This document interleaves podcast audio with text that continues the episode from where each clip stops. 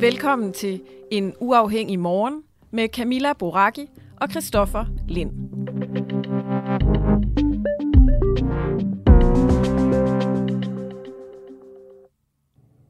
Пожежа на Запорізькій АЕС триває. Вогнеборці не можуть дістатися місця загорання та ліквідувати наслідки. Розстрілюють впритул. Вже є попадання в перший енергоблок. Зупиніться. Det vi lige øh, hørte der, Camilla, det er en øh, mand, som står inde ved et atomkraftværk i øh, den by, der hedder Zaporizhia. Og det han siger på klippet her, det er blandt andet, at han står som derinde klokken øh, halv to i nat, og så siger han, der er mulighed for en seriøs fare for en atomkatastrofe ved det allerstørste atomkraftværk i Europa. Vi forlanger øjeblikkeligt en våbenhvile ved det her atomkraftværk.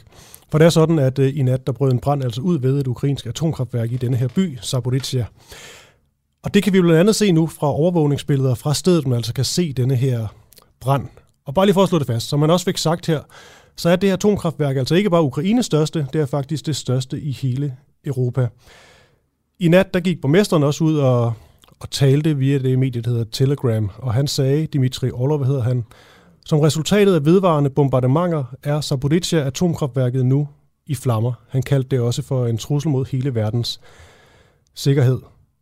Og når man siger Ukraine og øh, atomkraftværk, så kommer man jo unægteligt til at tænke på Chernobyl og Chernobyl ulykken, så det har jo nogle, øh, nogle grimme associationer på en eller anden måde, det her, ikke? Det vil man sige. Og så klokken 2.30 i nat øh, lokal tid, der sagde den samme ansatte, som vi hørte her fra, fra klippet igen, at øh, de altså ikke har været i stand til at stanse branden, men øh, heldigvis, trods alt, så klokken 6.20 her til morgen, der øh, meldte brandvæsenet og myndighederne ud, at branden nu er slukket, altså uden nogen ofre. Og denne her stråling, man jo måler, den skulle også være på sin øh, normale niveauer. Men altså øh, en helt vild historie, vi selvfølgelig også gerne vil udfolde senere i dagens øh, program.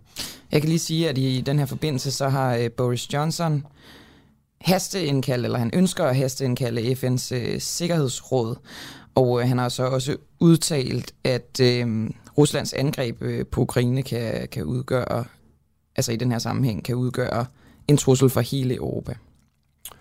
Måske skal jeg også lige sige, Christoffer, at øh, der var jo den, øh, den anden øh, hvad skal man sige, forhandling mellem øh, Ukraine og Rusland. De mødtes øh, repræsentanter fra, fra begge lande i går, og øh, der ønskede Ukraine flere ting. De ønskede øjeblikkelig våbenhvile, våbenstilstand, og øh, så ønskede de også humanitære korridorer for civile fra øh, de byer, som er blevet bombet i Ukraine.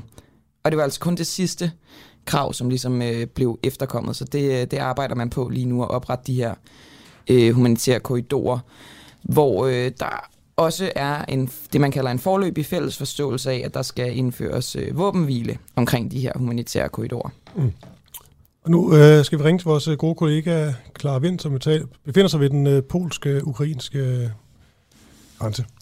Ja, i byen øh, Medika, så vidt jeg har forstået, og Clara Vind, i går der har du mødt flere udlændinge, måske også ukrainere, som er taget altså ind imod Ukraine og ind i Ukraine for at deltage i kampene. Hvem, øh, hvem mødte du, og hvad sagde de? Godmorgen. Jamen, øh, jeg tog ud til grænsen i går til Medika, og der, øh, der skal man jo have et lift. Øh, og der fik var fem søde øh, ukrainske mænd, der øh, sagde, at jeg godt måtte hoppe ind i deres bus. Øh, eller de forstod mig ikke helt, så jeg hoppede bare ind. Og jeg kunne se, at de sad militærtasker, så jeg prøvede at skrive til dem på Google Translate, hvorvidt de skulle ind og kæmpe i, i Ukraine, øh, hvilket de sad og nikkede til, og, øh, og så prøvede vi at lidt sådan snakke om, de havde noget familie og sådan noget, men der var ikke, det var svært at kommunikere, men jeg lagde bare mærke til hele den bustur, der var helt stille. Altså øh, den der øh, på vej op mod grænsen, nu er de endelig ved at nå det sted, hvor de skal ind, at kæmpe for deres land og for deres folk. Og så var der bare en helt rungende stillhed hele vejen øh, op til, øh, til grænsen. Og øh, det var egentlig lidt det, der kickstartede, at jeg øh, fokuserede på at stå og, og snakke med dem, der kørte ind til Ukraine. Øh, hvor øh, i forgår stod jeg meget og snakkede med dem, der kom ind til Polen. Og øh, der gik ikke lang tid før... Øh, før jeg mødte en dansk, eller en dansk mand, en mand, der var bosiddende i Danmark, øh, som er kørt hele vejen for at øh, kæmpe i, øh, i Ukraine. Ham hører jeg også et klip med senere. Øhm, så der var egentlig rigtig, rigtig mange, der, der skulle ind og kæmpe i går. Øhm, mange snakkede ikke engelsk, øh, men med, med små oversættelser kunne man stadig forstå, at de, øh, de skulle ind og kæmpe, og at, at flere havde opnået den der, at nu var de egentlig klar at øh, hele turen derhen, når man spurgte dem, er du klar til at, til at dø? Hvor det var sådan, altså, ja, det er nu. Jeg har tænkt på det hele vejen hen, og nu er jeg kommet til, ligesom til tanke med, at det er det, det, der måske. Øhm, jeg mødte også to polske mænd, der havde øh, fem ATV'er og en stor motor med, øh, simpelthen for at kunne give dem til øh, de ukrainere, der skulle kæmpe. Øh, da de blev spurgt, hvorfor, så sagde de, vi kæmper for Ukraine, og de kæmper for os. Det er ikke kun, altså det er vores demokrati, vi, øh, vi kæmper for, og vi hjælper hinanden. Øh, og på de her ATV'er var der både malet polske og ukrainske flag på. Og, og egentlig fik det mig lidt til at tænke på en af de kvinder, jeg mødte i går, øh, da jeg spurgte hende om, hvad, hvad siger folk til dem, der ikke tager tilbage og kæmper. Hun ville ikke bruge ordet forræder, men hun sagde, hvorfor er det, man ikke tager tilbage og kæmper, hvis man er sund, rask og klog, og bor i udlandet og har familie i Ukraine, hvorfor tager du så ikke tilbage og kæmper for dit land? Og hvis ikke for dit land, så hvorfor ikke for dit folk? Øhm, og hun var på min alder, øh, og, og man kunne tydeligt mærke, at det er det her pres for, at man tager tilbage, man hjælper sin familie, man hjælper sit land. Øh, og det var også mange af dem, jeg snakkede med i går, havde også familie dybt inde i Ukraine, mange af dem tæt ved de russisk okkuperede områder. Øh, og det, det kommer I så også til at høre nogle forskellige klips af i dag. Mm. Øhm, de her øh, folk, du møder, har, har de militærtræning? Har de militær erfaring på nogen måde? Øhm, nogle af dem har, nogle af dem har tidligere øh, kæmpet i, øh, i Donbass-regionen, øh, og nogle af dem har øh, kæmpet tidligere tilbage i 2015 og 16, men er så flyttet siden. Øhm, der er også nogen, der overhovedet ikke har, ligesom tidligere hørt i vores program, så er der nogen, der overhovedet ikke har noget militærerfaring. For eksempel øh, en 60-årig britte, jeg spurgte, hvor jeg sagde, hvad, hvad kan det egentlig gøre, at, at du tager ind og hjælper som 60-årig, hvis du ikke har nogen militærerfaring? Mm. Og han sagde, hvis alle kan pege på nogen med et gevær og finde ud af, hvem der er dine fjender, og hvem der ikke er dine fjender, så kan det nok hjælpes. Om de så ved, hvem der er ukrainer, og hvem der ikke er ukrainer, det er jo så spørgsmålet, kan man sige. Men, øh, men det var helt tydeligt, at øh, de samledes meget sammen foran grænsen, og ligesom gjorde klar på, at nu skulle de ind og kæmpe. Altså, der var både en, øh, en kramgejst, men også en form for øh, ubevidsthed og tomhed hos dem, kan man sige. Hvor øh, på, på den anden side, øh, hvor folk kommer ind, er der jo øh, også en helt anden stemning. Men øh, der er meget af det her med bilkører, hvor folk sidder og venter. Nogle skal ind med mad, nogle skal ind med materiale, og nogle skal ind i krig. Det er meget interessant det her med, at du siger, at, øh, at de skal kunne se forskel på, hvem der er russer og ukrainer. Det har vi faktisk et øh, interview, fordi de har fundet en, øh, en, en måde, faktisk, hvor de forsøger at, at kunne skille. Det laver vi et interview om klokken 8-10. Men Clara, du sidder jo lige nu i en, øh, en bus. Ja, eller jeg står faktisk på øh, landingsbanen i Krakow øh, foran flyet og, og skal til at sted senere i dag. Øhm, og jeg kom ind til at tænke på, i går, da I spurgte mig om, hvad det var, der havde gjort størst indtryk, der har jeg tænkt på lige siden, at øh, det simpelthen må være børnene ved grænsen. Altså at se de her små trætte, buttede ansigter komme gående øh, med tæpper viklet rundt om. Nogle bliver båret af deres forældre, og andre bliver kørt ind i, øh, i klapvogne. Og så se deres ansigter, når de får udleveret bamser som det første. Altså at se, hvor, hvor trætte og nedslidt man kan være, men stadig lyse op i et, øh, i et smil øh, og være helt op og køre over på en bamse. En eller anden form for, nu er man kommet hjem. Det, øh, ja, det gør et stort indtryk, synes jeg. Det kan jeg godt forstå, Clara. Øhm, og du har sikkert en, øh, en masse, en hel bunke af indtryk øh, med dig tilbage, øh, som du selvfølgelig også skal fortælle om her i radioen. Øhm, god tur hjem, tror jeg bare, jeg vil sige. Christoffer, har du noget, du vil spørge Clara om? Nej, det tror jeg ikke. Vi har også øh, flere gode klip, blandt andet med ham, øh, ham Ian, er ikke rigtigt?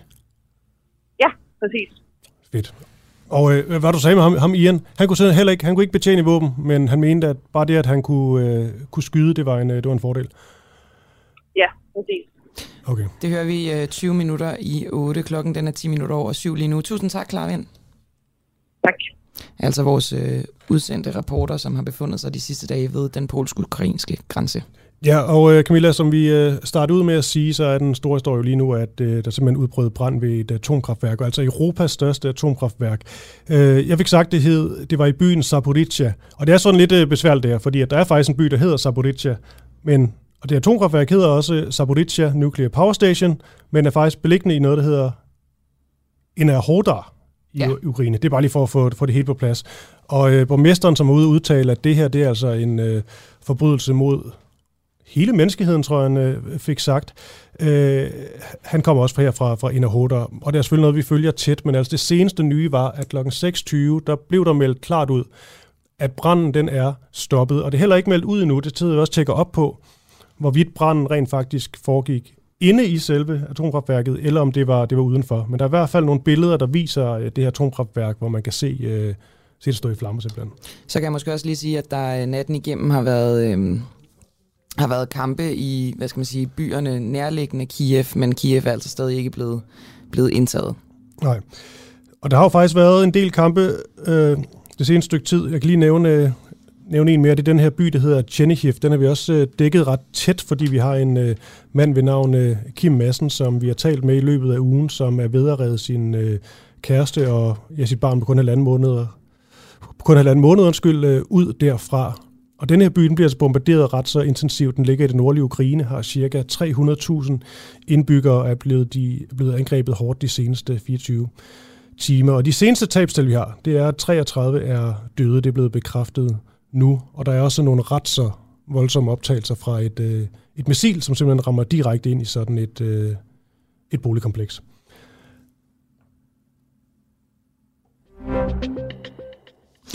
Kan Putins allermest bestialske legesoldater slå Ukraines præsident Zelensky ihjel?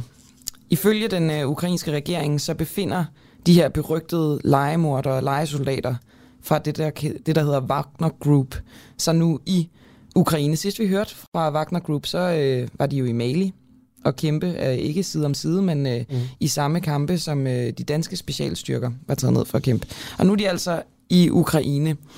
Og øh, efterretningerne de lyder altså på, at øh, Wagner Groups mission, det er at slå præsident Zelensky ihjel. En præsident, som jo øh, i høj grad er blevet symbolet på den ukrainske moral og, øh, i denne her krig. Niklas øh, Møller Randbo, du er sikkerhedskonsulent ved Implement Consulting Group og øh, har skrevet speciale om Wagner Group. Og hvad er det, som gør den her Wagner Group særligt egnet til at øh, gennemføre en likvidering af Ukraines øh, præsident? Og godmorgen. Jamen, godmorgen til jer. Øh, hvad gør dem særligt egnet til det?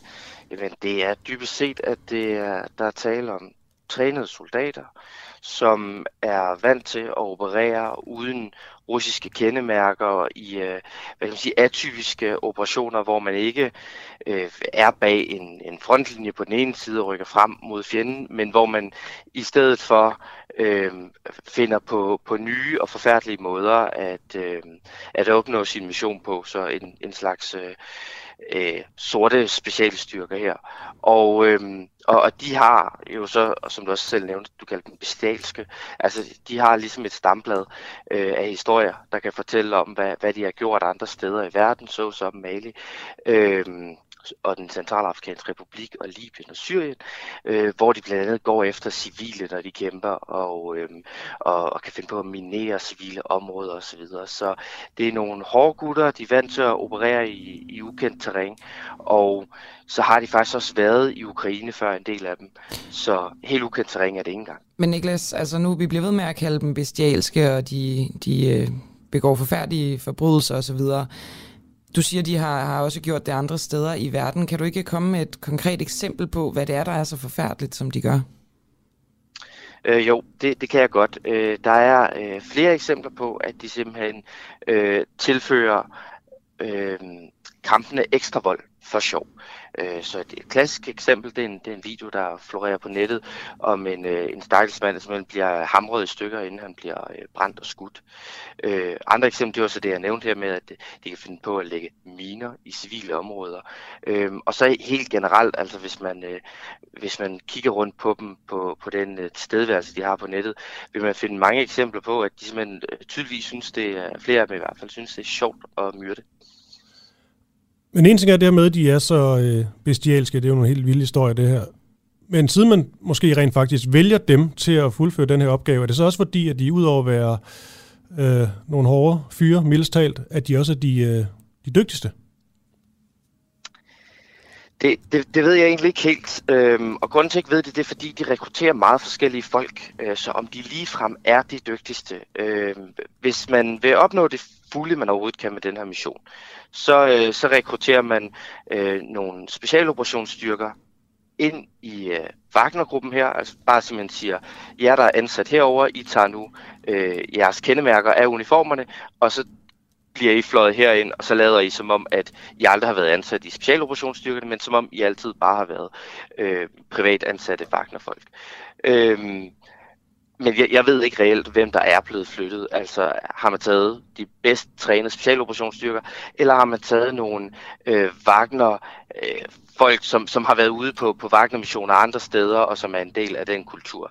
Jeg tror mest på det, på det sidste, måske støttet af nogle elementer fra det første. Og øh, så vil jeg ikke sige, at, at det er de bedste, men så, øh, så er de måske vant til, hvordan man arbejder i Wagner. Men altså, man kan sige, at Vladimir Zelensky, han må jo være den bedst beskyttede person altså i hele Ukraine lige nu. Er der ikke, altså, har du oplevet eksempler fra andre steder på, at de har gennemført lignende operationer? Øh, både og. Øh, de var med i, øh, i 2014, da Donbass-regionen først blev indtaget. Der har de også øh, nogle soldater udstationeret i dag. Og øh, der havde de også til ansvar engang imellem at øh, snigmyrde folk. Det var så faktisk øh, folk på den separatistiske side, men som af den ene eller den anden grund simpelthen ikke øh, strategisk eller politisk udført den rolle, som Moskva havde udsigt dem. Og så ligesom for at holde styr på tropperne, så skulle de engang imellem øh, snigmyrde nogen. Øh, så det er der nogle eksempler på. Men øh, ellers er det typisk ikke den slags missioner, de har lavet. Og øh, nu har du beskæftiget dig øh, enormt meget med Wagner Group, og du har skrevet speciale om det, så jeg går også ud fra, at du er vant til ligesom at tjekke op på øh, beretninger om dem og på kilder. Hvad med de her efterretninger, vi har i denne her sammenhæng med Ukraine? Er de troværdige? Øhm, der er en del af kildegrundlaget, der er i hvert fald ret troværdigt. Altså blandt andet så de her forlydende om, at øh, de skulle være taget til Ukraine, de her folk. Øh, de Øh, de, de strækker sig helt tilbage til øh, i, i hvert fald januar, måske også december. Øh, så i og med, at man har kunne se optrækningen og så videre i, i kildegrundlaget fra nogle kilder, som man normalt kan stole på, så, øh, så er der i hvert fald ikke noget overraskende, og derfor ikke for mig sådan noget at mistænke ved, at jeg ved, de er i Ukraine. Men om deres mission så lige præcis er den her 24 personers kill list, som man siger, de har fået, øh, der, Ja, det, det er sgu lidt svært at sige, om det lige er dem, der har fået den i hånden. Der, øh, der kan godt være meget propaganda indover. Men man vil gerne ofte have det i dem. Så, øh, så om det lige er dem, der har fået den. Det er sandsynligt nok, men jeg ved det simpelthen ikke. Når du kalder det propaganda, så er det så fordi, at øh, rygtet om dem kan sprede skræk og redsel? Rygtet om kan sprede skræk og redsel, så det er ligesom den russiske propagandavinkel. Og øh, det at kunne sige, at øh, dine fjender, det er Wagner, det kan give dig en vis legitimitet, hvis du er Ukraine. Og det at sige, at du øh, dræber dem, jamen det, det kan give dig øh, noget støtte også, simpelthen fordi det, det bliver anset for at være en god ting.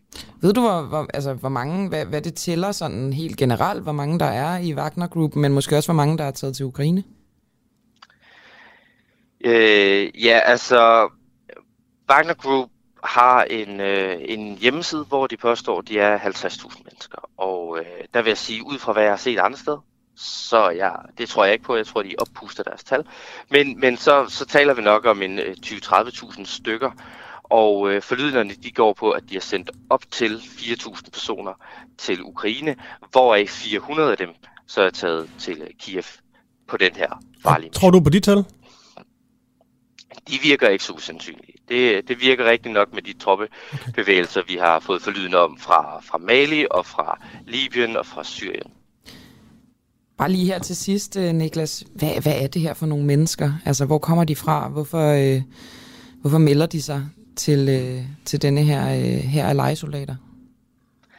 Der er lidt forskellige grupper. Øh, den primære type, du vil finde, det er nok en person, øh, som er veteran fra øh, det russiske militær, måske har været med i Tjetjenienskrigene i, øh, i nullerne, og, øhm, og som måske har haft svært ved at finde job senere hen, og så har set et, et jobopslag på, på nettet, øhm, om at, at de, de kunne komme ud og opleve noget og bruge deres evner igen, og så videre, og så videre. Og så er de hårdeste drenge, dem der har skrevet sig op der, de er så blevet rekrutteret til Wagner. Andre, det er simpelthen folk, som jeg nævnte før, der kunne være blevet flyttet fra enheder, hvor de er en del af det russiske militær. Og så siger man, nu tager I på den her mission, og så lader vi ligesom om, at de ikke er officielt russisk militær. Tusind tak for det, Niklas Møller øh, Renbo. Selv tak. I må have god dag. I måde. I måde. Og i forhold til den her øh, Wagner Group, så er det jo sådan, at øh, Vladimir Putin han nægter, at han bruger tropperne, men de ser sådan på mystisk vis altid øh, ud til at dukke op, når øh, Rusland har brug for de militære muskler, uden et russisk fag på uniformen. Og ja, det er så bekræftet nærmest af Niklas her, at øh, de altså også er til stede i Ukraine. Da vi talte med 55-årige Jesper Rasmussen, det var i, øh, i mandags, der var der omkring cirka 800 km mellem ham og hans familie, der befandt sig et hemmeligt sted lidt uden for Ukraines hovedstad, Kiev. Og hans mission, det var altså at få sin øh, familie ud af landet hurtigst muligt. Og det var fordi hans hustru har brug for livsvigtig medicin, og hans søn ikke ønsker at være soldat i krigen. Så sønnen er ligesom, ja, han er påkrævet at blive som øh, soldat, fordi han er over 18, og selvfølgelig under 60. Og derudover så konen skulle altså have noget medicin, og så vidt vi forstod, da vi talte med Jesper, så var det sådan noget, hvis hun ikke får den medicin inden for to uger, så vil hun dø. Og nu har han faktisk forhåbentlig fundet en, øh, en løsning, fordi da vores øh, kollega Peter Svarts øh, talte med Jesper her i går eftermiddags, der var han ved at gå ombord i et tog ved grænsen til Ukraine, kun 150 km fra sin, øh, sin familie. Jesper Rasmussen han fortæller, hvordan hans øh, hustru, søn og svigermor så en familie med et lille barn, der blev efterladt på perron i Kiev, da de kom med dagens sidste tog. Nu er det store spørgsmål for Jesper Rasmussen, hvordan han får sin 18-årige søn over grænsen. Han må nemlig som sagt ikke komme ud af landet. Min familie er nået frem i går nat. Øh, de, øh, de er nået frem til, til bestemmelsesdag kl. 3 nat og øh, har haft en, en, en tur, men, men er glade selvfølgelig for at være kommet en lille smule mere i sikkerhed. Og øh, havde en, en redselsfuld oplevelse på vejen, og på stationen i Kiev i særdeleshed. Så, øh, så det var en meget, meget ubehagelig oplevelse. Også det, at der er en mor, der står med hendes nærmest nyfødte barn 3-4 måneder og kan ikke komme med toget og bliver efterladt på perronen, hvor toget så kører væk. Øh, det er jo det er jo hjerteskærende at, at høre øh, og opleve, kan jeg næsten ikke forestille mig, men at se hende stå med tårer i øjnene og toget kører væk, og jeg, man ikke aner, hvad skæbne hun er overladt til. Der var litterligt, litterligt ikke plads, altså dørene kunne knap lukkes, og altså, folk stod bogstaveligt talt oven på hinanden. Øhm, men de er, de er trætte, og de er udmattede, og, men, men øh, vi er godt mod, at de er, at de er kommet til Lviv og har fået lidt mere ro på, i hvert fald. Men øhm, det bliver så forhåbentlig øh, lavet om på nu her. Jeg, jeg har i hvert fald sat alle ind på, at øh, vi skal have dem ud af landet på en eller anden måde. I hvert fald, øh, det gælder i, i særdeleshed min søn der, men, men øh, og for resten af familien kan jo godt komme ud. Din søn ja. er over 18 år, og dermed ikke må rejse ud af landet. Hvordan skal han komme ud? Ja, det, øh, det skal jeg have fundet ud af de næste to dage. Jeg, jeg har muligvis nogle, nogle kanaler, men øh, det tør, det tør jeg ikke rigtig øh, lægge på bordet lige nu. Øh, jeg tør ikke andet sige, at der er nogen, der kommer over, øh, men, men øh, det, er ikke sådan, det er ikke sådan lige, øh, det ligger ikke lige til højre ben.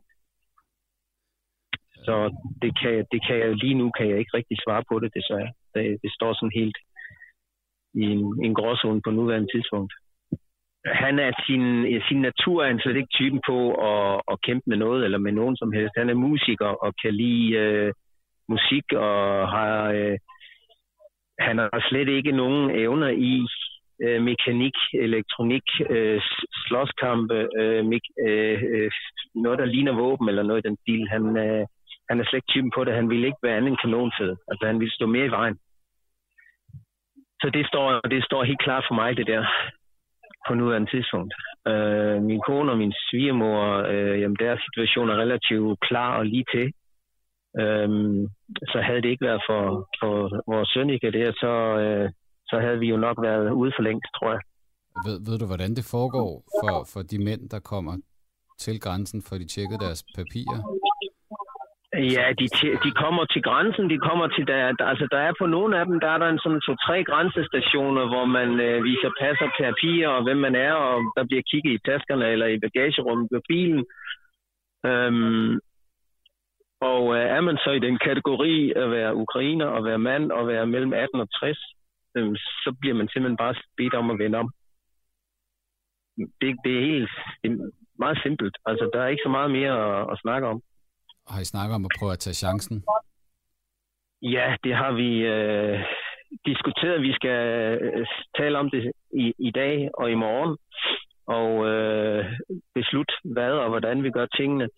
Og så ønsker vi at øh, prøve at lægge en slagplan og prøve, prøve prioritet 1 og 2 af, men hvad det bliver helt præcist, det afhænger nok lidt af, hvad, hvad informationer vi kan få fingre i her de næste øh, to dage. Men det lykkedes min hustru i går rent faktisk at komme forbi en kontrolpost med sin søn, uden at de opdagede det. Okay. Øh, så, hun må, så hun må have Ja, hun, øh, gik, hun gik den ene vej, og så gik hun med hunden og øh, en taske, og hun bad ham så rende ud på marken den anden vej rundt. Og det må de jo så have klaret. Det var jo mørkt. Så man kan jo bare godt komme ind. Men at tro, at man kan lave et samme nummer øh, ved grænseposter ved en, ved en udgang mod Polen, øh, det, det vil jeg ikke, øh, den påstand vil jeg ikke føre på nuværende tidspunkt i hvert fald. Yes, her er altså Jesper Rasmussen, og vi prøver altså at ringe til, øh, til Jesper her senere i, øh, i udsættelsen, men fordi han nu er taget ind i Ukraine, så er det altså usikkert, om han, øh, han tager telefonen af meget god grund, må man sige, men vi prøver i hvert fald. Jeg kan også lige sige, at øh, de russiske styrker er fortsat med at bombardere den øh, belejrede by Mariupol, som ligger i det sådan, øh, sydøstlige Ukraine. Det er, har de fortsat med natten igennem. Og det er jo en del af, at russerne ligesom rykker langsomt, men øh, tættere indad i Ukraine. Ja. Vladimir Putin, han talte til, øh, til nationen i går. Her der beskrev han på live-tv sine soldater som ægte helte. Og han indrømmede faktisk at have tabt nogle enkelte småbyer, men slog alligevel fast, at øh, operationen her, den gik helt efter planen. Og det jeg i hvert fald hæftede mig med, da jeg så denne her tale med undertekster, det var, at øh, han kaldte russere og ukrainere for et folk. Men det han så sagde, det var, at ukrainerne de er blevet troet, og så er de blevet hjernevasket til at tro ja, noget andet. Ja, okay. Så om det er spin eller hvad det er, eller om det sådan bare var et direkte indblik ind i Putins øh, hjerne, det, øh, det var svært at blive klog på. Men det var i hvert fald det, han sagde, at øh, Russer og Ukraine er ifølge Vladimir Putin, det sagde han altså i en tale til nationen i går, et folk. Det er meget sådan øh, kontrastfyldt til Vladimir Zelensky, som mente, at øh, alle de russiske operationer har slået fejl. Mm. Så var der også, øh, nu vil lige er der, øh, udenrigsministeren øh, Lavrov, han var ude og også kommentere på, på alt det, der sker lige nu. Og han tog det hele med sådan, jeg vil nærmest sige, forstyrrende ophøjet ro. Og det er den russiske udenrigsminister. Ja, undskyld. Og han sagde blandt andet, at øh, jeg er sikker på, det er et citat det her, jeg er sikker på, øh, når det her hysteri, det, øh, det ligesom har lagt sig, så vil vores vestlige partnere ligesom komme sig over det. Så sagde han også, at vi er altid klar til en øh, dialog, men det skal være på de rette betingelser. Hysteri simpelthen. Okay. Ja, og det er altså Russian News Agency, som er kilden til, til det her. Men han fik flere gange kaldt det for, øh, for, for hysteri, og han føler ligesom, at Vesten de har sig for meget op. Og det er også i forhold til alle de her sanktioner, at øh, han føler, at de godt ved, hvorfor de gør det, de gør, men at øh, nu er de gået i fælles front mod Rusland. Så det er meget denne her Rusland mod mod resten lige nu.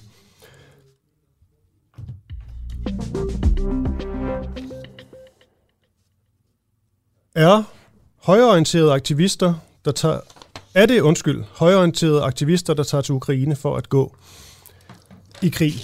En tidligere højrefløjsaktivist, han kører nemlig på mandag en øh, gruppe danskere ned til Ukraines grænse. Navnet på denne mand, det er Lars Grønbæk, som der nok var flere, der så øh, i, øh, i aftenshowet.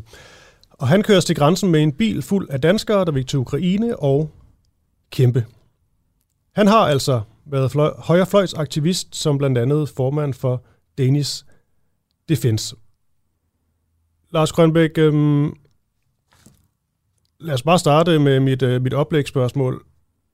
Er det højreorienterede aktivister, der tager til Ukraine for at gå i krig? Og godmorgen. Det er ikke mit indtryk. Ja. Øhm, jeg har faktisk svært ved at danne mig et øh, sådan et helt overblik over, hvem der tager afsted. Øh, men, øh, men det er da en blandet skare, sådan som jeg forstår det. Mm. Øh, nu, er jeg jo, nu er jeg jo ikke selv øh, en del af noget mere, øh, og har ikke været det i, i mange år.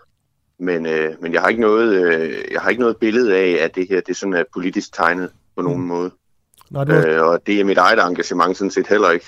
Okay. Nej, du har tidligere været formand for Danish uh, Defense League. Vil du lige, ja. lige så lytterne også lige klædt på, fortælle, hvad det er for noget? Øh, jamen, øh, ja, Danish Defense League, jamen, det gik vel sådan set meget op i at, og, øh, altså, at være opmærksom på, på danske værdier, og, øh, og så være imod islamisering øh, af Danmark. Og øh, man kan sige, at med, øh, med, med den politiske dagsorden, der ligger i dag, så, så er der jo ikke rigtig behov for sådan noget som Danish Defense League mere, fordi nu er det blevet mainstream-politik. Mm.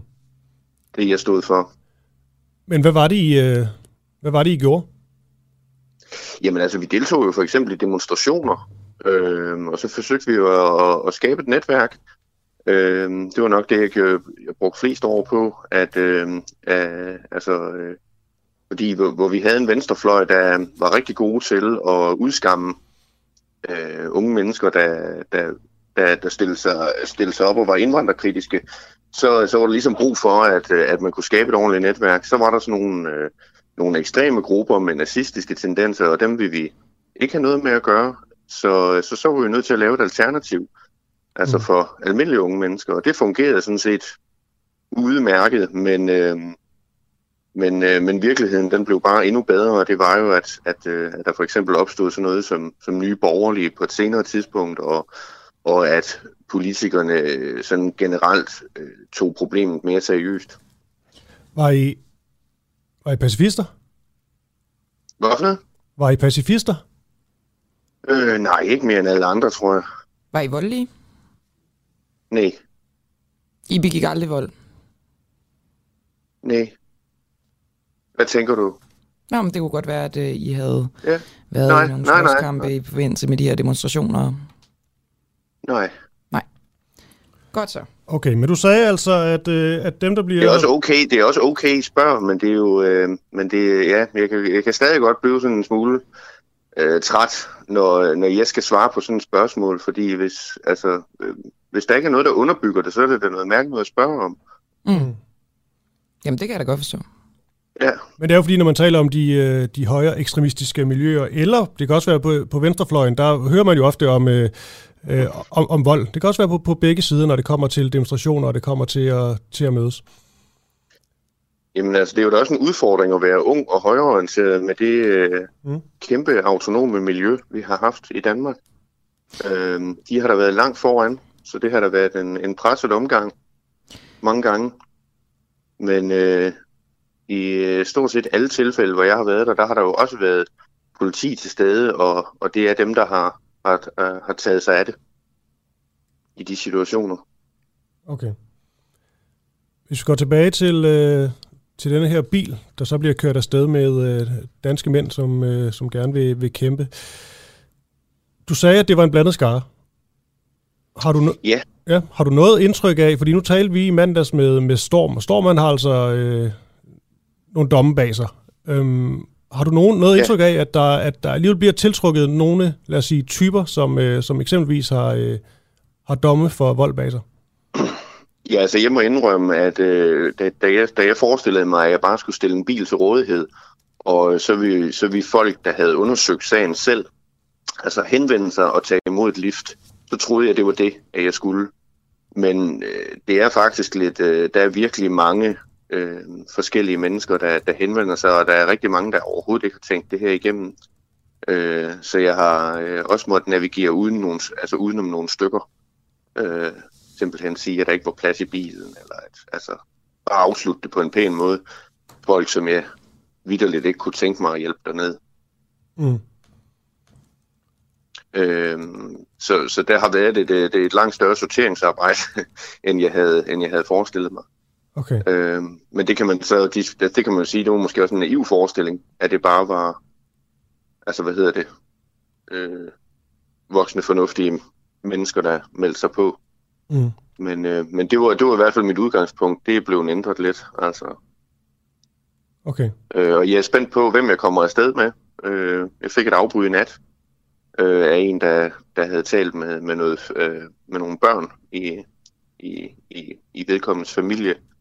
Og, øh, og det havde sådan, altså, det, han havde ombestemt sig, nu vil han, øh, nu vil han melde sig til noget, hvor han kunne hjælpe flygtninge her i Danmark i stedet for.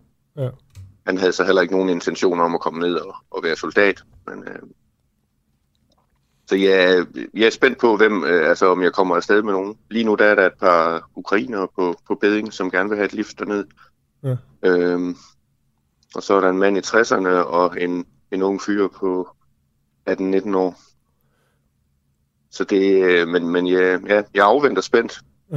hvem det, der ender med at tage med. Ja, men Lars Grønbæk, der er vel også en, tænker jeg, en, en svær diskussion, fordi man kan sige, på den ene side virker det vildt at have, hvis der er folk, der tager afsted, som har en masse voldsdom bag sig og gjort alt muligt skidt. Men på den anden side, når det kommer til krig, der er det jo ikke sikkert, at det er det, det værste at have på CV'et, groft sagt. Altså det tror jeg ikke, det er. Og jeg vil, der vil jeg også bare lige minde om, at Ukraine i hvert fald selv løslader deres fanger, hvis de vil indrullere sig i, øh, i herren dernede. Så, så på den måde, så, øh, så tænker jeg jo ikke, at jeg skyder ved siden af skiven. Men jeg beder jo ikke om at se straffeattest. Altså det, øh, jeg, jeg, jeg, jeg går ind og tager, hvad skal vi sige, eller i hvert fald forsøger at tage et større ansvar for, hvem jeg tager med, end jeg gjorde til at starte med. Men er jo ikke en instans på den måde, så øh, Nej. hvis der ikke er sådan noget, der er helt i øjenfaldende for mig, hvor jeg tænker, ej, det går sgu ikke at tage ham med derned, så, øh, så kan man godt køre med mig. Okay. Altså, Har du gjort dig, har du så gjort dig nogle tanker om, når jeg ligesom tager, hvis du tager nogen med i, øh, i bilen tilbage, er der nogen, du ikke vil tage med? øh, altså, jeg tager ned for at hente kvinder og børn, øh, som, øh, som primært øh, står der, fordi at deres mænd øh, er optaget af, af at skulle forsvare landet derinde. Hvad hvis, de, hvad hvis de her kvinder og børn er muslimske? Jamen, det, det har jeg sådan set ikke gjort mig nogen overvejelser omkring, fordi at, øh, det er jo ikke det, man ser på billederne. Øh, der ser man jo ukrainske øh, mennesker. Men der kan jo Og godt... det er, dem, jeg, det er dem, jeg tager derned for at hjælpe. Lad os nu sige, at der står nogle øh, strandede udviklingsstuder- udvekslingsstuderende fra, øh, kunne det være, det er bare et tænkt eksempel det her, fra, øh, fra Afrika eksempelvis. Ja. Eller fra, Det er ikke dem, hvad det nu kan det er være. ikke dem, jeg tager derned for at hente. Vil du så ikke tage er dem, så de skal ikke, det er have, ikke- de, de skal ikke have et lift? Jeg tager ned for at hente kvinder og børn fra Ukraine. Så de afrikanske Og, øh, udvekslingsstuderende for eksempel, Ja, Må ikke det er ikke med. dem, jeg tager derned for at hente. Nej. dem vil du afvise. Hvorfor? Ja, ja, lige så vel som at dem, jeg tager med derned, de kommer heller ikke til at køre med mig hjem igen, hvis de fortryder. Så må de selv finde hjem. Men hvorfor vil du ikke tage dem med? Det handler vel om at, at redde folk. Det handler om at redde kvinder og børn. Hvad hvis du... Og jeg har hørt, jeg har hørt, øh, jeg har hørt at, øh, at, at, at der nogle steder også står nogle unge mænd, som kommer, jeg ved ikke hvorfra de kommer, men altså det er ikke dem, der får et lift med mig. Men altså mus- muslimske afrikanere kan jo også være kvinder og børn. Ja, det kan de. Men det er ikke dem, jeg tager ned for at hente. Hvorfor ikke? Hvorfor skælder du? Fordi det er, jamen det er fordi, det er ukrainere, jeg tager ned for at hente. Og ikke afrikanere. Men hvorfor ikke alle dem, der har brug for det? Jamen, jeg kan jo ikke vurdere, hvorvidt, at de har, øh, hvor, hvorvidt de har brug for det. Det er folk, som befinder sig i Ukraine, et krigshavet land, som gerne Altså, jeg kører, ja, jeg kører ikke ind i Ukraine. Nå nej, du kører til grænsen, ikke? Ja, og jeg er med på, at der er alle mulige andre flygtninge, der ligesom kan, øh, eller, eller immigranter, eller hvad det Nej, kan nå, være, jamen lad os der, der, blander, der blander sig Ja. sammen med flygtningen. Det er i hvert fald, hvad jeg har hørt rygter Okay, om. nå, men det- Og der må jeg bare sige, at Mhm. vi kan opstille alle mulige tænkte eksempler, men jeg tager ned for at hente kvinder og børn, der er flygtet fra Okay, men, Ukraine. men det her behøver ikke at være et tænkt eksempel, Ukrainer. fordi det her det kan sagtens være et konkret eksempel. Altså Mhm. mm. en, en ukrainer, som har ukrainsk statsborgerskab og har boet i Ukraine i mange år, som samtidig er muslim, de er der jo selvfølgelig. Vil, Ja. du, vil du tage, hvis det er kvinder og børn, vil du tage dem med i din bil? Altså, jeg vil gerne redde kvinder og børn. Øh, jeg, har ikke, jeg, har ikke, øh, jeg har ikke set nogen øh, af, dem, du, du beskriver der. Men jeg er, ikke, jeg er ikke som udgangspunkt interesseret i at få flere muslimer her til Danmark. Men selvfølgelig er der også muslimske kvinder og børn i Ukraine, også ukrainske statsborgere. Det må der være. Ja. 1 procent. Men de skal ikke med i din bil. Det har jeg slet ikke gjort mig nogen tanker omkring. Okay, Altså, det kan da godt være, at det er det, det ender, men, men det forestiller jeg mig ikke. okay. Altså, der tænker jeg, at uh, altså, det, det forestiller jeg mig slet, slet Hjælp ikke. mig lige med at forstå den grovsortering. Hvorfor du ikke forestiller dig det? Ja, fordi, øh, jamen fordi at det er, altså det, det scenarie, I beskriver, det, det harmonerer ikke med de billeder, jeg har set dernede fra af. Nå nej, men Altså, du må da gøre dig så- så jeg har- om, at det- altså, man kan få så Jamen, kan du få jeg- en i kørestol, du kan få en Jamen, med altså, jeg Du ved, det er jo det Ja, ikke, det er det har jeg da bare også. noget, vi også- ligesom ud øh, bagfra, vel? Nej. Det, det, det kan jo sagtens ske, 1% af ukrainerne er, er muslimer, ikke? Kvinder og børn. Så en kvinde med et tørklæde, du kan ikke forestille dig, at du vil tage hende med. Hvorfor? Fordi, fordi udgangspunktet, det er at, at tage en u, altså, ukrainske øh, kvinde med, og gerne med så mange børn som muligt. Nå, altså, det kan hun, hun kan jo også godt have mange børn, selvom hun er muslim. ja, det kan hun godt. Ja, ja.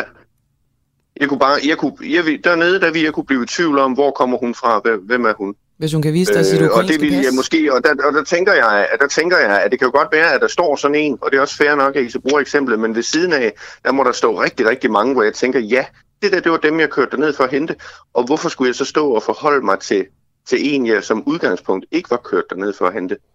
Som, Altså, det, fordi det, du det, som synes, det, jeg synes, det er en mærkelig hente præmis. Synes du det? Ja, det, synes jeg. Jeg synes, det er interessant det her med, at du vælger at skælne. I virkeligheden burde du vel bare kigge på deres pas. Jamen, jeg har da heller ikke tænkt, at jeg skulle kigge på pas, nødvendigvis. Så ved du heller ikke, om de er ukrainer. Nej, Men jeg, forhold, jeg har jo heller ikke forholdt mig til det. Det er jo ikke en tanke, jeg har haft. Altså, jeg er men med på, at det er en meget fed vinkel, har det her, men, Ja, men det er jo ja. ikke, jeg har jo ikke forholdt mig til den, før I, øhm, før I bringer det op nu her. Nej. Det er også bare for at sige, så er der også øh, selvfølgelig ukrainske muslimer. Ja, Og det, det er jo bare, fordi det er jo en oplagt men vinkel, altså, når du har hvis- befundet hvis- dig i de her jeg kan- jeg kan- jamen- øh, Ja. øh, grupper, kan man sige, tidligere. jo, men ikke? altså, jo, men jeg, jeg, tager, jeg tager jo ned, fordi jeg føler, at Ukraine, det er øh, mit nærområde. Det er det i hvert fald lige pludselig blevet. Mm. Jo, jo, men kan, du- kan du ikke godt Og, se, og, at det, det og, er og når jeg synes, at det giver mening at tage nogen med herop, så er det jo fordi, at der også er et, et vist åndsfællesskab i det. Ikke? Og jeg synes, at Ukraine som land minder om os, i hvert fald på en, på en række punkter. Og de blev udsat for det her. Og øh, jeg synes jo ikke, det giver mening normaltvis, at man, øh, hvad skal vi sige, at, at man blander kulturer, der er alt for forskellige, fordi det bliver for svært. Jeg tager det ned for at hente ukrainer, fordi jeg tænker, at de vil kunne, de vil kunne, holde, øh, de vil kunne være her i samfundet på en ordentlig måde. Okay, så du går ned og henter ukrainer, men ikke muslimske ukrainer. Det er jo også, det er jo bare klar tale. Ja, Så er det ikke bare det, Lars øh, Grønbæk Larsen, og det er på, hvad sagde du, det er på mandag? ja. Okay. Vi vil øh, ønske dig held og lykke. Jo, tak skal du have. Fortsat god dag. Hej. Hej. I lige måde. Hej.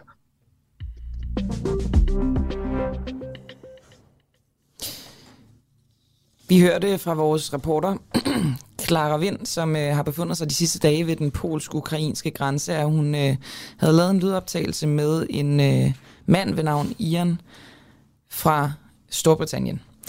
Øhm, fordi ved den her polsk-ukrainske grænse er der ikke kun trafik for at komme ud af Ukraine.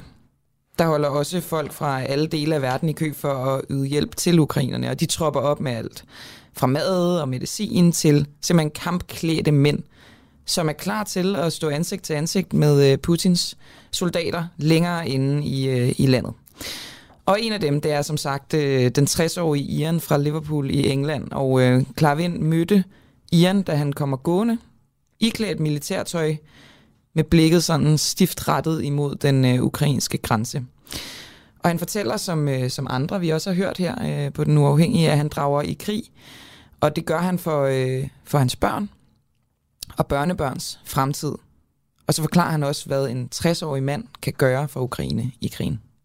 um, well, we won't know until we um, join up with the Ukrainian Foreign Legion, and then from there we'll um, we'll know um, in what areas we're needed. And, yeah.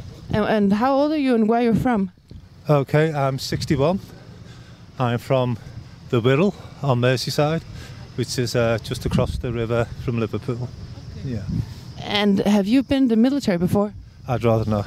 We're not, we're not given any, uh, if any. Yeah. Okay. Are- Are you ready to die when you go in there? Um, uh, I've I've come to that um, understanding. Yeah, I've, um, um, um, I'm at peace with any, but I want to live. I want to go home. I want to see my family. Um, I want to see my friends. What was the last thing that you told your family? Um, well, I didn't tell any. Many, many of them I didn't tell them. I just told them I loved them and what we what you would do. Um, yeah. And what did they say to you?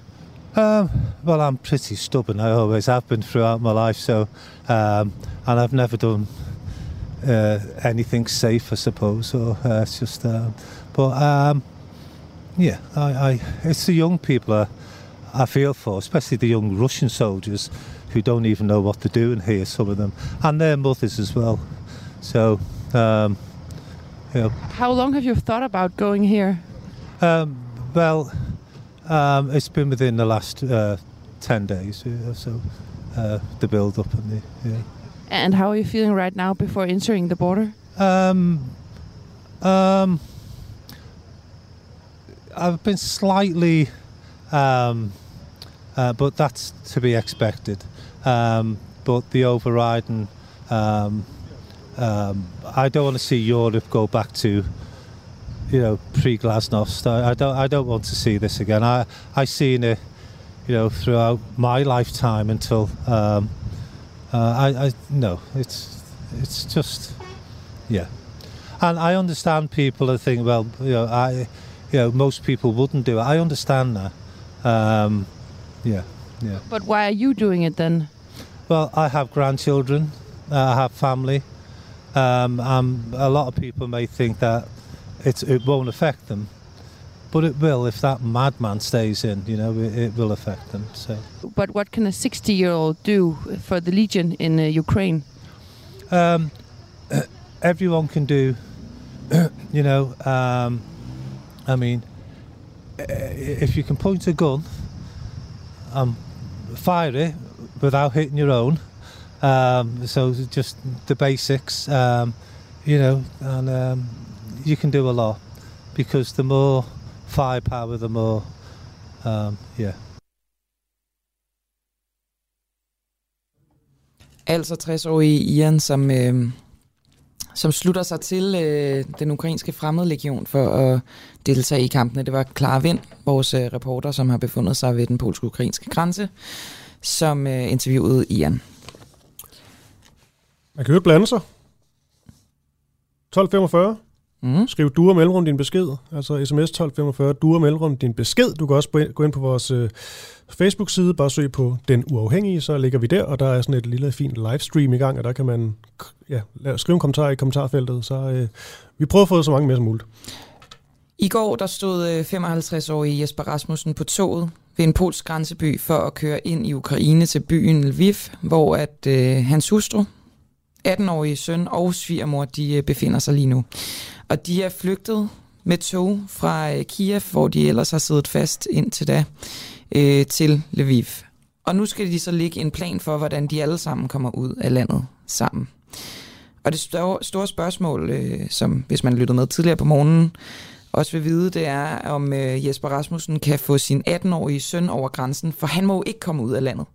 Netop fordi, at øh, alle mænd imellem 18 og 60 år har en ordre på at blive i landet og deltage i kampene mod øh, russerne. Og Jesper Rasmussen, øh, du har jo boet i Ukraine i 7 år og er uddannet ingeniør, men har du mødt din familie endnu? Og godmorgen.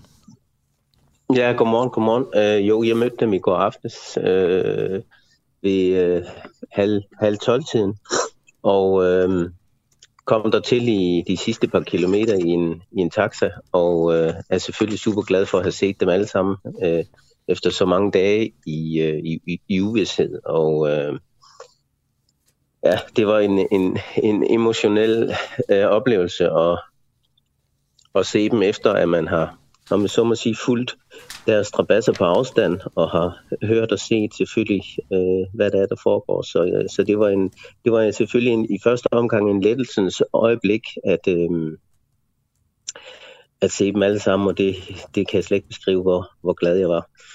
Det er vi... Så øh, ja, så jeg, ja, vil... jeg sidder i Lviv.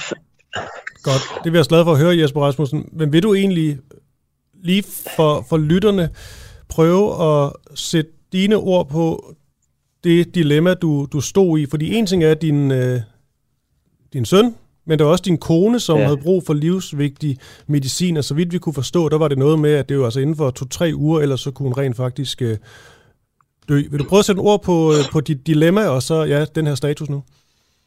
Ja, altså dilemmaet var selvfølgelig i, i starten det at komme væk fra, fra Kiev-regionen og komme til et øh, på nuværende tidspunkt øh, mere sikkert sted. Det var det ene dilemma. Det andet dilemma var selvfølgelig levering af noget medicin, som øh, jeg ganske enkelt ikke havde andet valg end at øh, forsøge at levere selv sammen med nogle øh, personer, øh, som har indvillet i at tage med. Og øh, det var under planlægning, men øh, så lykkedes det så familien under absurde omstændigheder og øh, kom på et, øh, et tog efter tredje forsøg på banegården i, i Kiev, øh, Voxal, som den bliver kaldt. Øhm, og så kom de så til Lviv i, i går, øh, jeg kan ikke engang, jeg kan ikke, nej, i forgårs, jeg kan ikke engang huske tid, men meget sent på natten. Og øh, så var, så var, om jeg så må sige, øh, ideen med at tage i retning af, af Kiev nat, naturligvis sløjfet, og så hed det så Lviv, hvor jeg så ankom i går aftes. Mm. Så øh, det, den del af det har gjort mig lidt lettere. Der er medicin og adgang til, øh, til alting, hvad man sådan umiddelbart har brug for i Lviv øh, på nuværende tidspunkt. Øh, der er en, en, en, en sirene, der går i gang en gang imellem, men ellers virker har faktisk sådan hvad skal vi sige, krigsmæssigt set lidt normalt. Der, der er kaos omkring banegården, som man slet ikke kan forestille sig det, men øh, det, det, det, det, er det, det er det eneste, man lige umiddelbart mærker. Massiv politi og, og, og nødhjælpsorganisationer, men ellers virker tingene sådan set lige fra det sted, hvor jeg er nu, lidt, lidt væk fra udkanten af byen, eller centrum af byen, øh, relativt normalt, vil jeg sige. Og I har alt det... Men det er selvfølgelig kun et spørgsmål om tid. Ja. Vi, vi har alt det medicin, vi skal bruge, øh, for øh, jeg har købt en hel del øh, for til to måneder i hvert fald. Ja. Altså ud over den måned, hun, ud over de to-tre uger, hun havde, så vi har til en, et kvartal. Det, det, øh, ja. Altså det skal være nok for hele, altså den her krig her, den skulle gerne snart stoppe. Øh, så, så vi har rigeligt med medicin. Det, det problem er ligesom, det er ligesom løst. Så det er selvfølgelig Tror du... det mest øh, påtrængende problem, ja. Tror du på, at den her krig, den snart bliver stoppet? Et af håb, noget andet tro. Mm. Øh, og den viden, man, man synes, man selv har opbygget. Øh, jeg er ikke militærstrateg eller noget som helst, men der er ingen tvivl om, at Putin øh, er nødt til at, at vinde et eller andet her. For ellers kan han ikke trække sig tilbage som en, som en stor mand, som en vinder, som en statsmand, som det jo nærmest kræves i Rusland. Øh, og derfor så kan der godt, derfor er jeg bange for personligt, at det kommer til at gå helt galt. Okay. Det, øh, det er jeg bange for. Men mindre, at russiske stat går bankerot, eller der er nogle interne oligarker, der får ham afsat, men øh, jeg tror, han er, han er godt beskyttet på mm. alle måder. øh, desværre. Så ja. personligt frygter jeg lidt, at det her det kan tage rigtig, rigtig lang tid. Ja. Og det bliver mere og mere desperat. Altså, der er jo ingen mening i at bombardere et atomkraftværk. Øh, og så videre, og så videre. Altså, det de laver giver ikke Nej, og jeg vil egentlig gerne lige tage, tage, tage fat i den, uh, Jesper Rasmussen. Nu skal det jo handle om, uh, uh, om dig. Det er jo din, din og din families uh, fortælling, ja. men på en eller anden måde, så spiller den jo også lidt sammen med det, der lige er sket med det her atomkraftværk. I hvert fald denne her frygt, det er jo, det jo skaber, når man ser et atomkraftværk i, uh, i brand. Fordi din kones sygdom ja. er faktisk direkte koblet med Tjernobyl-ulykken, er det ikke rigtigt? Jo, det er korrekt. Da hun var barn, øh, skete den her frygtelige katastrofe, som vi øh, i Europa jo alle sammen kan huske. Men der er rigtig mange mennesker i, øh, i Kiev, mange børn, som øh, fik den her radioaktive stråling, og den øh, øh beskadede selvfølgelig deres... Øh, åh, hvad hedder det på dansk? Øh, skilddrøse på tysk. Øh, mm. skjoldbuskirtel. Og øh, den var hun nødt til at få fjernet sammen med nogle af de øh, hormonproducerende kirtler, der er, og det vil sige, at den medicin, hun får, det er, det er en erstatning af hendes øh, skjoldbuskirtel, som man så ikke, den, dem kan man jo ikke undvære, så får man ikke de øh, hormoner, kalk og D3 og en forskellige typer øh, medicin sammen, så, så får man kramper, og så dør man af det. Ja. Øh, så det er et, øh, det er et levn fra, fra Tjernobyl, det er min hustru, hun lider under, og øh, der er sådan lidt, øh, hvad skal vi sige, paralleller til selvfølgelig til det, man frygter fra, fra alle sider, at de beskyder et atomkraftværk, som absolut øh, ja. ikke øh, gør andet end producere energi til, til, til forskellige dele i Ukraine, måske andre steder, det har jeg ikke forstand på, men øh, så der er, en, der er en parallel til det, det må man sige, og den, den giver jo anledning til, til dyb frustration og, og angst for, for alle, mm. også, i, også, i, også i Europa. Så... Øh, Men Jesper, må jeg... Må det, jeg det, ja, jeg vil bare høre om... Ja, ja. I forhold til... Øh, det er også fordi, vi lige har et par minutter tilbage før næste kilde, så jeg vil bare gerne lige nå også det ja. med, øh, med, din, med, din, med din søn, for det er jo det med, at han skal jo slås. Det er jo sådan, ja. sådan det ligesom er, er, er gjort, så, og du vil jo gerne have, have ham ud, det kunne vi også jeg høre vil på. Gerne, jeg, vil gerne have, ja, jeg vil gerne have ham ud, men der, der, der er måske den, den lille misforståelse. Mænd i alderen 18-60 må ikke rejse ud, men det betyder ikke, at de skal slås. De må gerne bevæge sig frit ind i landet. Ja, okay. ja. Og øh, der kan være visse undtagelser fra, at øh, man kan rejse ud og ikke rejse ud, som jeg i præcise detaljer ikke kender på nuværende tidspunkt.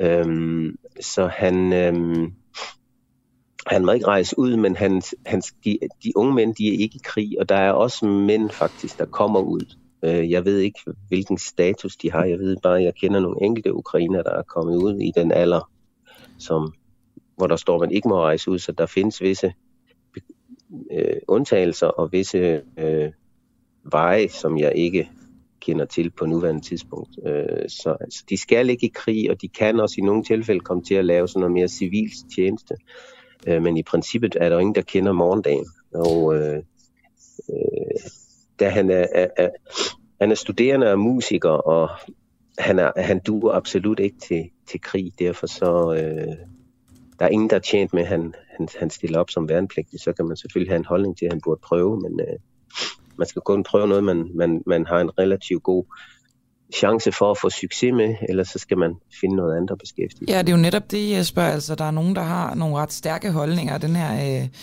nationalpatriotisme, øh, den, øh, den øh, ja, hersker ja. jo i Ukraine lige nu. Er din søn så nervøs for, at hvis han ikke kæmper, at han bliver sådan udskammet? Nej, det, man, man har en ekstrem nationalfølelse, som du, som du siger, det er fuldstændig korrekt, på et, et niveau, man, man, man har svært ved at forestille sig. Øh, der er en forståelse for, at, at, at unge mennesker har forskellige pladser i, i, i, i, en, i en krig, og at, at man ikke kan sende alle til fronten, fordi de ganske enkelt ikke har de øh, egenskaber, der skal til til at kunne gøre en forskel. Men kan det få konsekvenser, og, øh, hvis han forlader landet? Øh, kun hvis han kommer tilbage, og kun hvis man vælger at forfølge ham. Og det handler jo nok også lidt med, af, hvad for en, en øh, magt, der kommer til at, at, at overtage Ukraine efterfølgende, eller øh, hvilken andre former for rets... Øh, øh grundlag, der er til det, om han kommer tilbage overhovedet osv. osv. For vi ved jo ikke, hvad det er, vi kommer tilbage til. Vi ved jo ikke, hvordan øh, landet ser ud om x antal dage, uger. Øh, om der er noget at umiddelbart komme tilbage til, om huset er bombet fuldstændig i stykker osv. osv. Det, det, det står jo fuldstændig i sol, måne og stjerner, det ved vi ikke. Nej. Jesper Rasmussen, jeg tror egentlig, det var det, var det og vi vil egentlig, ja, Ja. det var dejligt at høre, at, øh, at der er trods alt gode nyheder. Der er stadig nogle ting, der skal, Ja. der, der skal Der løse skal sig, på men, øh, men, øh, men det, det lysner det lidt i hvert Det- fald forud. Der, der er i hvert fald købt lidt tid, og det, er, det, det, det sætter vi pris på her i huset.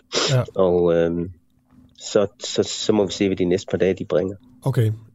Der er ikke andet at gøre. Nej. Men øh, tak fordi I har vil lytte med, og jeg glæder mig over, at øh, jeg kan bibringe sådan en, en historie fra, fra en, en lille hjørne i Danmark øh, med relation til Ukraine, som kan, forhåbentlig kan give lytterne en idé om, øh, at, krigen, den, at krigen den er reelt ikke en, det er ikke for sjov. Der er mange mennesker, der lider, og som har brug for hjælp. I særdeleshed penge øh, hernede. Øh, ikke så meget tøj og, og, og, og, og sokker. Der er mere end rigeligt af det. Der er masser af mad ind til den øh, polsk-ukrainske grænse i forhold til øh, hele vejen med jernbanen. Men der, der mangler penge til de rigtige organisationer. Om det så er, er Røde Kors, eller det er, at man laver støtteopkøb til øh, skudsikre veste og, og hjelme. Der er mange muligheder, hvis man googler. Øh, blandt andet på Facebook er der en masse grupper, hvor man kan se, øh, hvor man bedst kan gøre sit, sit besøg. Så det vil jeg opfordre til. Okay. Og med, med det givet videre, så Jesper Rasmussen, øh, ja igen tak for det, og pas på dig selv. Ja, det skal vi nok gøre. Tak for, tak for nu. Det er godt. Hej. Tak, hej. Hej. Du lytter lige nu til Den Uafhængige. Danmarks måske mest kritiske, nysgerrige og levende radio. Hvis du har en god idé til en historie, så skriv til os på Facebook eller send os en mail. Adressen finder du på hjemmesiden.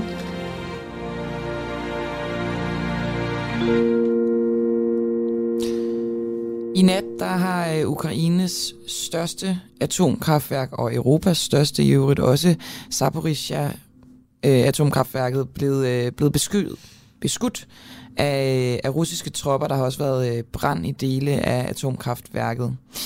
Og øh, nu kan øh, det ukrainske statslige agentur for atomregulering altså melde om, at øh, kraftværket er blevet indtaget af russiske militære styrker. Og det er jo egentlig ret vildt, også fordi for bare et par dage siden, der talte vi om et andet atomkraftværk i Ukraine. Jeg tror, det var landets andet største, hvor der var, øh, der var skud i nærheden, men der var ligesom en enighed om, at man skyder ikke tæt på. Og derudover så havde Rusland jo faktisk øh, sagt, at dem, der arbejder inde på atomkraftværket, selvom de er ukrainer, så får de lov til at fortsætte deres arbejde. Der har man ligesom sagt, okay, det her det skal fungere, det skal ikke gå galt. Men nu virker det så til, at de simpelthen har indtaget det her. Ja, de har indtaget det i hvert fald. Spørgsmålet er, om øh, dem, der arbejder på, øh, på atomkraftværket, også får lov til at blive der under kontrol af de russiske øh, militærstyrker. Men det er altså seneste nyt i det, som jo er nattens øh, største historie i øh, den her krig. Er lokalbefolkningen i ukrainske landsbyer klar til russernes indtog? Over en million ukrainere de har nu forladt deres hjem for at flygte fra den russiske invasion. Men der er jo også mange, der er blevet tilbage for at forsvare landet. En af dem det er Ronny Gasseholm. Han er dansker bosat i den ukrainske by Kremenchuk. Og i går talte vi med Ronny, og der kunne han fortælle, at han nu er rykket længere vestpå for at hjælpe andre byer med at forsvare sig mod russerne. Ronny, vil du ikke lige prøve at fortælle os, måske beskrive for os, hvad du gør, når russerne rent faktisk kommer? Og godmorgen. Godmorgen. Jamen nu, nu vil jeg sige, nu skal vi jo lige tale med Grænsand for at forsvare landet øh, og, og, og de andre byer. Øh, lige nu der er vi jo som sagt rykket vest, vestpå, fordi det er det her, hvor vi kan hjælpe bedst af vores, vores, vores holdning, og så hjælper vi, vi, vi den lokalbefolkning, der er i de områder med de indsamlinger, vi laver, og så hovedsageligt også stadig få ting ned til vores, origin, altså vores oprindelige by, Kremenchuk, ikke? Det, det er vores formål lige er i øjeblikket. Okay. Det er formålet lige, øh, lige i øjeblikket. Du talte om i, øh, ja. i den by, hvor, hvor, hvor du er bosat, at der, øh, der bliver der lavet rigtig mange af de her Molotov-cocktails. Det lyder nærmest som om, det var sådan en... Øh, sådan en industriel øh, måde, man fremstillede de her på, og øh, så mødtes man øh, i byen, og, øh, og, og det var blandt andet kvinderne, også din kone, som øh, stod for at lave de her Molotov-cocktails. Er det det samme i den by, du er i nu, eller er det noget andet? Øh, det har, jeg har ikke set det i den her by, men det foregår i alle byer, og generelt så er det jo kvinder og faktisk også unge, øh, unge teenager op efter, der gør det, fordi mændene de bygger forsvarsværker og transporterer ting rundt, men ellers er det kvinder og, ældre mænd og børn og ældre kvinder, som, som, som står for det her. Ikke? Og, og du har fuldstændig ret i, det, det, det, det minder bare som sådan en lille bryggeri, hvor man måske har 1000 eller 10.000 flasker, og så starter man med, fra den ene ende, hvor man gør den ene ting, og så i den anden ende, jamen, der kommer en færdig molecocktail ud, som bliver pakket ind i cellofan og sat ned i store kasser, og så kan man transportere de her rundt til, hvor de skal bruges. Så er der sådan en råvarer ind, og så er der færdigt slutprodukt i den anden ende. Det er ikke, øh, det er ikke amatørarbejde, de har gang i. Det, er, det er sådan en industriproduktion. Hvor mange taler vi om? Altså i vores by, der har jeg ja. billeder af, hvor der i hvert fald står... Øh, ja, jeg, da jeg talte, der stod der i hvert fald 30, 30-40 kasser, hvor der i hvert fald nok i hver kasse har været 30-40, ikke? og det var, det var bare sådan en introduktion i løbet af en dag. Uh, man kan sige, det er måske ikke det, det, det bedste at dem stående så tæt, men, men de bliver jo så samlet sammen, og så, uh, så bliver de kørt, kørt videre ud til, hvor de så skal bruges. Ikke? Og er det sådan, altså, øh, er det folks lejligheder, der er fyldt op med de her Molotov-cocktails? Uh, Nej, lige, lige i øjeblikket, altså i vores by, jeg kan ikke tale for andre byer, men i vores by, der ved jeg, at de bliver opbevaret sådan nogle steder, hvor det er sådan relativt sikkert, for man er sikker på, at der ikke er en eller anden, der lige kommer med cigaretter for, for, for gjort noget rigtig dumt, fordi de skal jo ikke opbevares i lejligheder, før de skal bruges, fordi det er jo, altså, det er jo brandbare væsker, vi har med at gøre, som blandet op med olie, så det er ikke bare lige noget, der bliver slukket med, altså med en ildslukker eller et tæppe eller sådan noget. Det, når først det brænder, så, så brænder det ikke rigtig lang tid. Og nu er du selv inde på det, Ronny. Altså, det er jo ikke, det er jo ikke legetøj, det her. Det er faktisk øh, farligt, brandfarligt, øh, eksplosivt. Det, det, det, øhm, det, det er rigtig brandfarligt, ja. Jeg tænker sådan på, er der nogen, der sådan overordnet koordinerer det her? Er der nogen, der står for sikkerheden med det? Øh, er der nogen, der sørger for træning med det?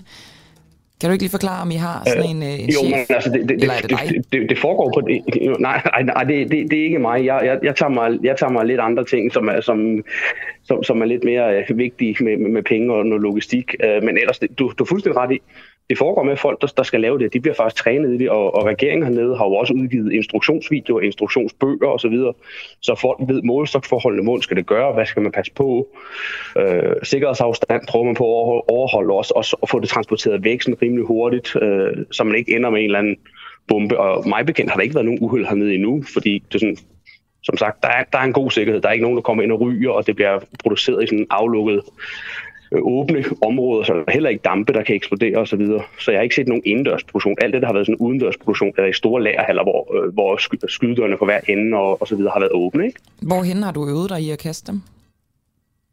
Uh, jeg har ikke, jeg har ikke personligt selv øvet mig i at kaste dem, uh, men, men normalt, altså, vi nede i vores by, der har vi sådan et, et område, hvor man før havde en skydebane, og man kan jo ikke rende på skydebanen lige i øjeblikket, så der, ved, der har de været ude og, og, og kaste med dem her til måls efter uh, olietønder blandt andet, uh, for ligesom at kunne se, hvor langt man kan kaste med det. Ikke? Hvorfor har du ikke øvet dig, Ronny? Øh, fordi jeg kan godt kaste en monococktail, hvis det er nødvendigt. Øh, men, men det bliver nok ikke min funktion at sidde oppe i en lejlighed og kaste monococktail ned på, på russerne, hvis de skulle komme. Det, øh, som sagt, jeg taler ikke russisk, så, øh, så man skal også lige overveje, hvor, om, man, om man gør gavn. Ikke? Øh, ligesom ja. vel, hvis man skal herned og kæmpe, så skal man også lige overveje, at skal man det, ikke? Nu sagde du sidde i, uh, i lejlighederne. Er det sådan, at vi skal forstå, at uh, eksempelvis i Kremenchuk, at der sidder folk, eller har folk allerede stashet op med uh, Molotov-cocktail, så er de klar til at kaste dem fra, fra vinduer, bare så få et altså, billede af det? Hvis russerne kommer til vores by, ja. så, er det, så er det det billede, man skal forestille sig. Lige nu, der kan jeg ikke forestille mig, at de allerede har dem i lejligheden, for som sagt, det er brandbare væsker. Men, men det, altså sådan det foregår ind i Kiev, øh, der er de klar, øh, fordi det er relativt let at kaste noget ned fra en lejlighed mod, øh, mod noget, der står stillet, ikke? Ja. Okay. Så, så, så det er sådan, det kommer til at foregå. Men det vil du afholde dig fra? Hvis jeg er i en lejlighed, og der kører en russer forbi, og der står en nej, så vil jeg da ikke afholde mig for det. Men øh, det, er nok og, ikke noget, op, det er nok ikke noget, jeg vil opsøge effektivt. Og du sagde det her med, at men du kunne godt kaste en molotov-cocktail. Har du nogensinde gjort det? Hvor mange børn, der er, der, der er 40 år i dag, har ikke som unge prøvet på at lave, lave lidt drengestejer. Altså, så det har jeg da prøvet. Mm. Ude i, det, ude i et stenværk. Altså, det er sådan, Har du... Alle har vel prøvet at lave hjemmeværk fyrværkeri i, min, i min alder også, og så videre, mm. kunne jeg forestille mig. Ronny, Eller kaste kanonslag, så ja. ja. Ronny Gersom, det er ligesom har brugt den seneste, ja, over en uge nu på, det er jo ligesom at, at forberede jer på, at, øh, at russerne muligvis kommer. Nu har vi talt meget om de her Molotov-cocktails. Vi ved også, at du har øh, øh andre våben, hvilke vil du så ikke ind på, sikkert af, af gode grunde. Men hvad bliver sådan din rolle, hvis vi siger, Jamen, at russerne lige pludselig kommer? Hvad, hvad er det så, din, din primære rolle er? Altså nu, nu, nu, nu er vi jo kørt væk fra vores by, så, så, så de våben, vi havde, som faktisk var lovligt anskaffet, øh, de er... Øh, de er, øh, de er blevet leveret videre til, til det lokale Defense Force, så, så lige nu der har jeg ikke nogen våben. Okay. Øh, så, så hvis de kommer lige nu, så, øh, så, så, så er det nok ikke nu, jeg skal gå hen og konfrontere dem. Øh, er de, det er nok vil gå relativt galt. Er det ikke lidt, øh, er det ikke lidt utrygt? Nej, egentlig ikke. Så du prøver ikke det, at, det, det. at skaffe nogle våben til selvforsvar, til, altså forsvar dig og din, mm. din familie for eksempel? Nej, ikke, ikke, ikke, ikke, ikke lige nu. Vi, vi, vi er et relativt sikkert sted, så, så det, det, det gør vi ikke. Mm. Kan du ikke lige kort fortælle, fordi der bliver også produceret andet end Molotov-cocktails, partisanersøm for eksempel. Hvad, hvad laver I ellers? Jamen, det, der har været lavet i vores by, det er, at man har, man har rigtig mange gamle jernbaneskinner liggende, som man har øh, flyttet op og, og, og bygget øh, de her, øh, ikke, ikke partisansøm, men øh, mod kampvogn, øh, så de simpelthen ikke kan, kan komme ind, og man har sat, øh, man siger, hvis, hvis, hvis man tænker på et motorvejsbyggeri i Danmark, så står der tit nogle betonafspærringer, de, de er også blevet rigtig gode til at, øh, og, øh, og ligesom afspærre byen og bygge forhindringer, så kampvogne, der prøver på at komme ind, de skal køre zigzag og køre vej til at komme ind, så de bliver spærret inden, og så er det de her målcocktail, de kommer i brug, ikke? og så bliver kampvogne. Alright, uh, Ronny Gasseholm, jeg ved ikke, om du har mere, Kristoffer, til Ronny? Oh. Er du stadig på, Ronny? Nå, det gav jeg er stadig på, lige signalet forsvandt. Jeg vil lige sige, det gav næsten sig selv. Øh, vi er også ved, ved, ved at være der, være der Ronny. Jeg skal bare lige høre her til sidst nu har du så taget, taget, taget vest på til en anden by for ligesom at, at hjælpe til med, med alt arbejdet. Er det sådan, at du så øh, tager videre derfra til en, øh, til en ny by for ligesom at hjælpe til der? Uh, vi, er, vi, vi er ved at søge lidt mere vestpå, da vi har nogle, uh, nogle kollegaer og nogle bekendte med, for ligesom at bygge sådan mere en, en fast arbejdsbase op, og så uh, være klar til, hvis vi skal ind over grænsen. Men som udgangspunkt, så bliver vi her fortsat, og fortsætter det. Sådan, det er jo meget det, vi gør lige i. Det er indsamlingsarbejde af penge. Jo flere penge vi kan få ned, jo flere ting kan der faktisk købes, øh, og der kommer rigtig mange varer ind over grænserne i øjeblikket, altså så varer, som både bliver købt og nødhjælp og donationer. Okay, faktisk lige en sidste ting, Ronny. Så, ja, undskyld. Ja. Er, I, er I klar til at sådan selv opsøge fjenden, groft sagt? Eller venter I? Vi, vi har, vi, vi, har, vi har børn, så, så det, er ikke, det, er ikke, det er ikke det, vi gør, så længe, der er børn, så længe vi selv har børn. Det gør vi ikke. Det er der andre, der er meget bedre til, men vi er klar til at supportere dem. Ja, okay. Lad lige... Havde vi ikke børn, så var vi. Det er modtaget. Ronny Gerseholm, øh, vi vil egentlig bare lige sige tak, fordi du har ja, været med løbende igennem øh, gennem hele ugen her. Og så øh, held, og lykke, Selv tak. held og lykke med det hele. Fortsat god dag. Tak Hej. Hej.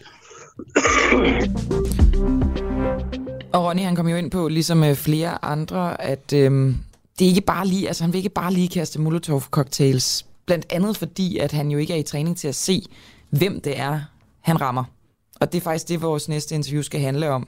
Hvordan de her øh, lidt mere utrænede folk, som potentielt kan komme i kamp, de skal skælne imellem øh, russer og ukrainer. Men jeg kan lige gentage det, som jo er nattens øh, største øh, rapport, kan man sige, fra øh, Ukraine nemlig at Zaporizhia atomkraftværket er blevet indtaget af russiske militærstyrker. Og vi har faktisk fået en øh, kilde på, der hedder Bent Lauritsen, øh, og han ved frygtelig meget om øh, atomkraft og atomkraftværker og alt det her. Han kan nok også øh, prøve at fortælle os om, hvorvidt vi skal være bange sådan i hele Europa, hvad der rent faktisk kan ske, hvis, uh, hvis det her skulle springe i luften, hvor meget den her brand den betyder, om det her med at måle strålingen, øh, om det er, for, det er for tidligt, eller om rent faktisk kan, kan, om det kan vise noget allerede. Der er så mange spørgsmål, vi stiller ham kl. 8.50. Ja, for lige nu er der, skal vi også lige sige, ingen indikationer på et forhøjet strålingsniveau ved atomkraftværket. Mm. Det har en uh, talsmand for uh, præsident Joe Bidens uh, administration udtalt.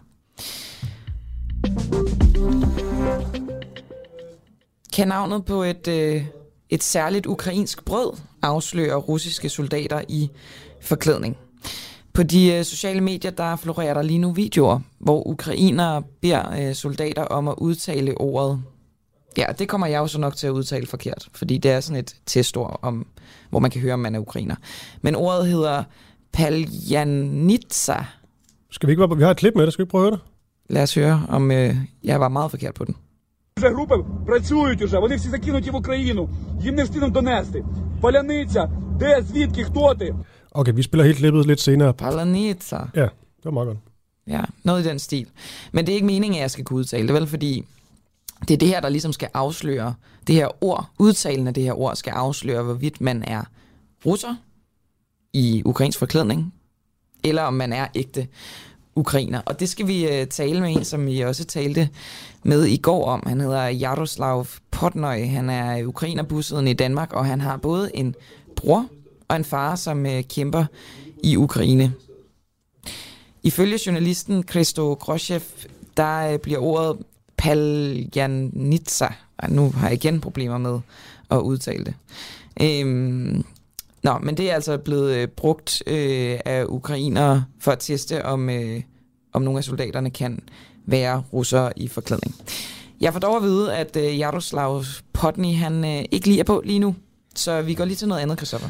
Ja, vi har lige fået en melding om, at han... Men han er på. Han kommer på om øh, godt og vel øh, 10 minutters tid, så det er ikke fordi, at det her indslag det er, det forgæves. Så laver jeg oplægget igen der. Får lov til at udtale det herover igen. Til gengæld så har vi et, øh, et interview, som øh, vores gode kollega Clara Vind, som øh, befinder sig ved den øh, polsk-ukrainske grænse, hun, øh, hun har begået.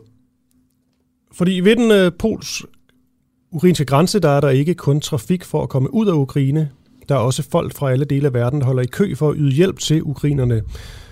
Og de tropper altså op med alt fra mad og medicin til, øh, til kampklædte mænd, der er klar til at møde Putins soldater længere inde i, øh, i landet. Klar Vind, vores reporter, hun mødte to af de her mænd i går, og øhm, Sergi, han bor og arbejder i Danmark, og havde næsten nået denne her grams- grænsebum, hedder det, i hans Audi med danske nummerplader, da vi fangede ham til en, øh, en kort snak om, hvorfor han er på vej ind i krigen.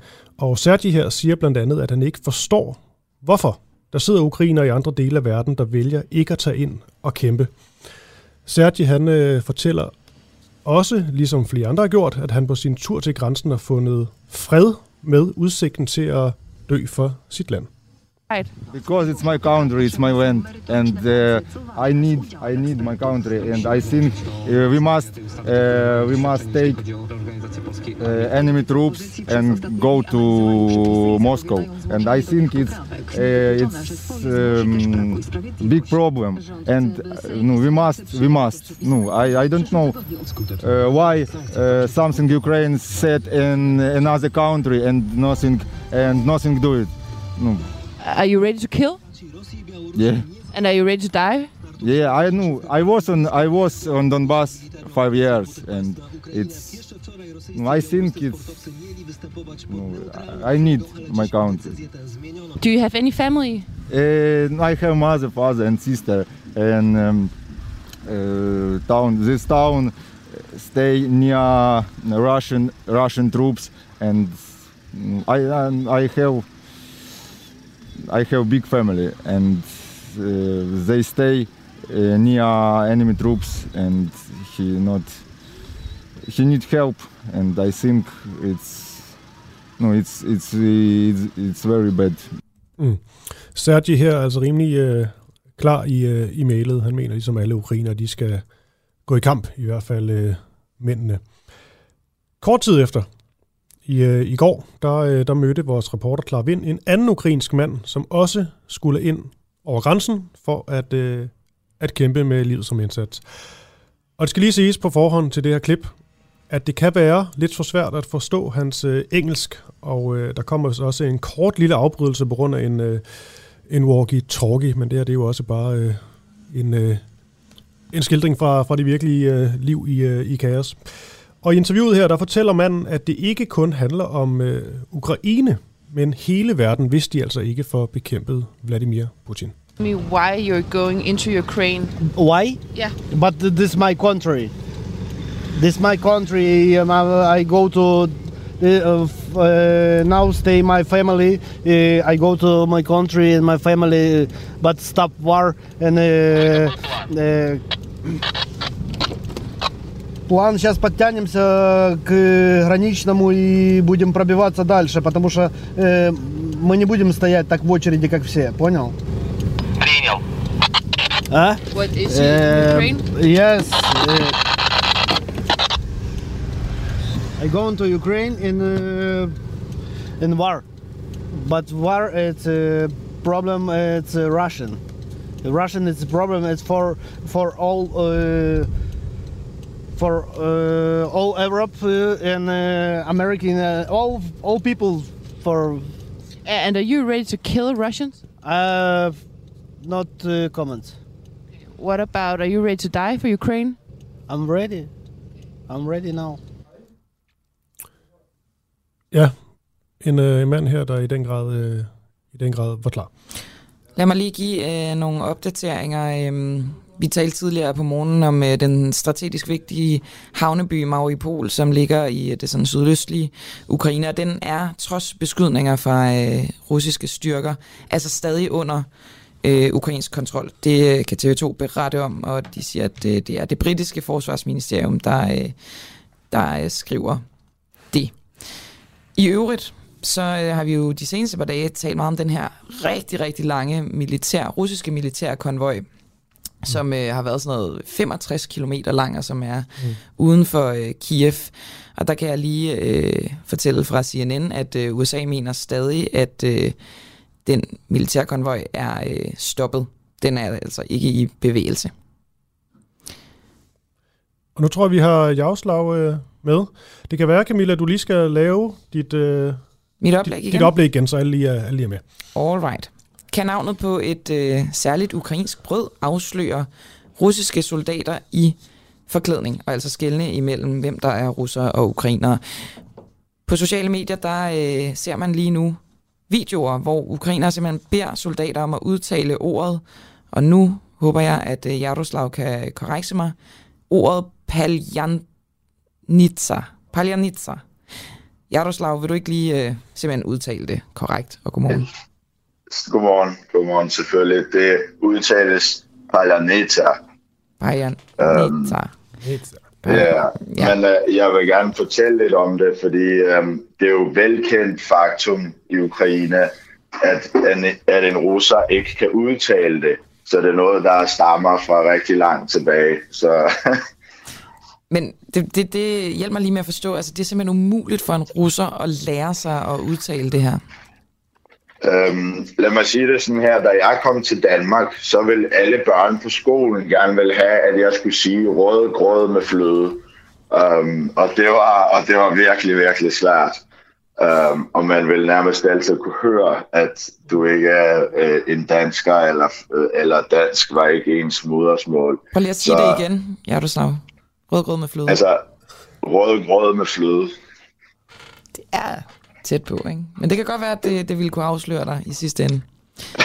Nå, men, men altså det her brød, det, det, det her ord har man valgt, altså fordi det ligesom er den ukrainske pan- pendant til rødgrød med fløde, og altså vil kunne afsløre, hvis øh, der er nogle russere, som har valgt at forklæde sig som, øh, som ukrainere.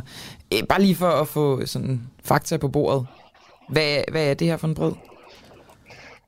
Altså, det er en traditionel brød, og øh, man tager imod øh, øh, folk og gæster med den. Øh, så kommer man ud med det her brød på øh, et stykke øh, håndklæde, og der er salt på, og man byder gæsten velkommen i sit eget hus øh, med det her brød. Så øh, ja. Alright. Vi har øh, et klip, Jaroslav, med, øh, med en soldat, som til synligheden er fra Ukraine. Det kan du så lige bekræfte, efter vi har hørt klippet. Han taler til Ja. kameraet, så kan du måske lige fortælle os, hvad det er, han siger, hvis du lytter med her. Ja, selvfølgelig. Вже групи працюють уже, вони всі закинуті в Україну. Їм не встигнуть донести. Паляниця, де, звідки, хто ти?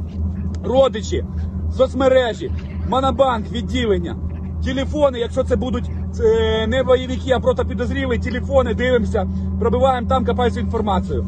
Все, удачки. Ну що, скоро думаю, їм дамо пізди. Дивіться, що ще хочеться на станах сказати. Якщо нас б'ють, то це охеренно, тому що ми загинули на священній війні. Причому такі не просто десь на маленький конфліктик, а така війна, що ну мать його йоб. Якщо ми виживемо, це взагалі піздець охуєнно. Тому я не бачу в цій історії мінусов, тільки плюси. Слава Україні! А ну давай заряд! Слава нації! Смерть ворогам! Øh, Et lidt langt klip, Jaroslav, men Ja, kan du måske ja. opsummere, hvad det er, der bliver, bliver sagt her? Jamen, han, altså, han er helt oppe at køre, det kan jeg godt høre, der er god kampgejst derinde, men øhm, jeg kan, han starter med at sige, at alle dem, man ikke ved, hvem er, skal man med det samme spørge, sige Palaneta, bagefter spørge, hvem er ens forældre, telefonnummer, vis mig din Facebook, øh, og så slår vi dem op, Øhm, så klipper han lidt, og, og så skifter han emne og siger, øhm, de skal nok få tæsk. Og øhm, det her, det er mega fedt, fordi hvis vi dør, så er det en hellig krig, og, øhm, og hvis vi ikke dør, så er det endnu mere fedt. Øhm, ja, okay, okay. Så, så hvad skal man sige? Gejst i ham. Ja, helt vildt. Helt vildt. Kampgejst, kunne man måske endda sige. Øhm, vi har også et andet klip, øh, Jaroslav. Øhm, Ja.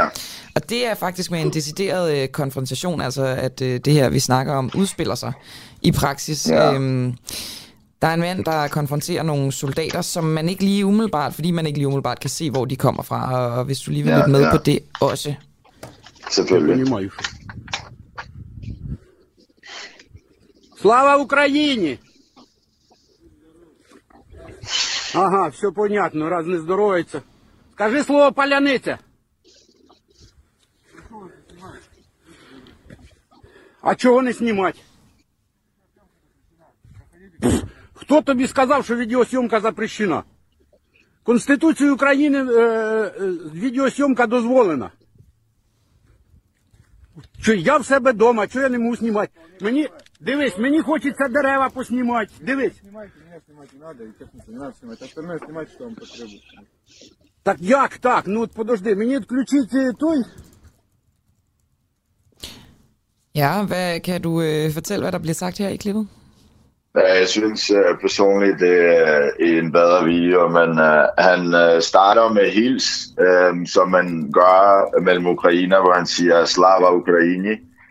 Og så, når der ikke bliver sagt noget tilbage, så siger han, okay, klart, um, ok, nu, nu begynder han at være mistænksom, og så, så spørger han ham, at han skal sige Palaneta.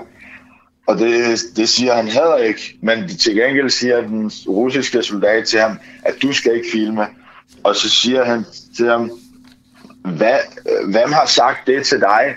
Man må filme på offentlige steder. Det er understøttet af ukrainsk grundlov. Um, og jeg er hjemme hos mig selv. Jeg vil gerne filme de her træer her. Og så, og så bliver ham russeren ved med, med at sige, at han ikke skal filme, øh, at han må godt filme træer, men bare han ikke filmer ham eller kampvogn. Og så siger den ældre herre sådan, hvad mener du? Øh, jeg filmer, hvad jeg har lyst til. Øhm, altså den her konfrontation, nu fortæller du så, hvad, hvad det er, der foregår i det.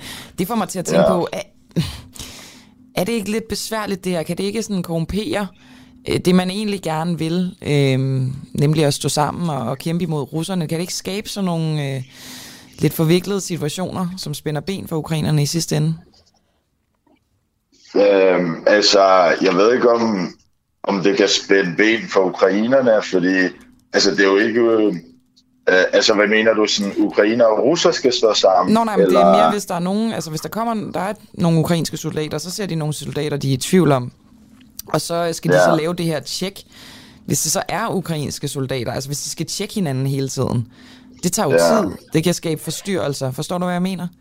Jeg forstår udmærket godt, hvad jeg mener. Og um, det, jeg godt kan fortælle dig, det er, at i, i militæret, inden for ens ege, egne enheder, der ved man typisk, hvor man er hen. Så du ved, hvis du skal gå på en patrulje, så er du også blevet... Um, øh, altså, så ved du ud fra kortene ind på staben, hvor der ellers også går en patrulje, så der ikke kan ske det, man kalder blue and blue, hvor man skyder um, venlige styrker.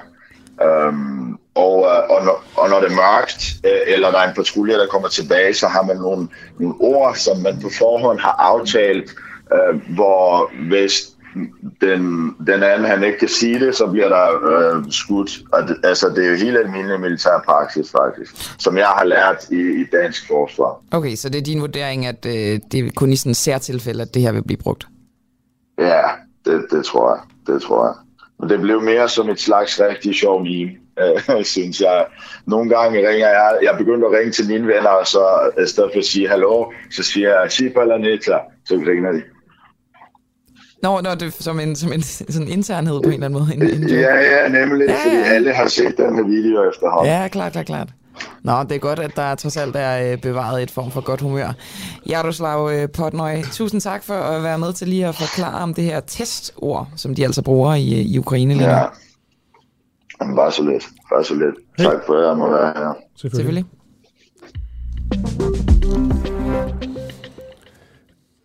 Hvis du lige om et kort øjeblik skal lige sige, der øh, kommer den gode øh, Samuel øh, Raklin med til en til blandt andet at skulle få, komme et bud på, at hvis nu Putin helt selv måtte bestemme, hvor Ruslands grænse den skulle gå, hvor ville den så øh, gå henne?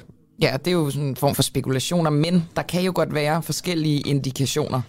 Den her krig, muligvis en af dem, på at øh, han ønsker en form for udvidelse hen imod det, der var det gamle øh, Sovjet. Ja, det taler vi med Samuel Rackel om lige om et, øh, et minuts tid. Før det kan jeg lige sige, at øh, hvis du kan lide vores øh, dækning af Ukrainekrigen og ikke allerede er medlem, så øh, håber vi, at du vil overveje at blive det.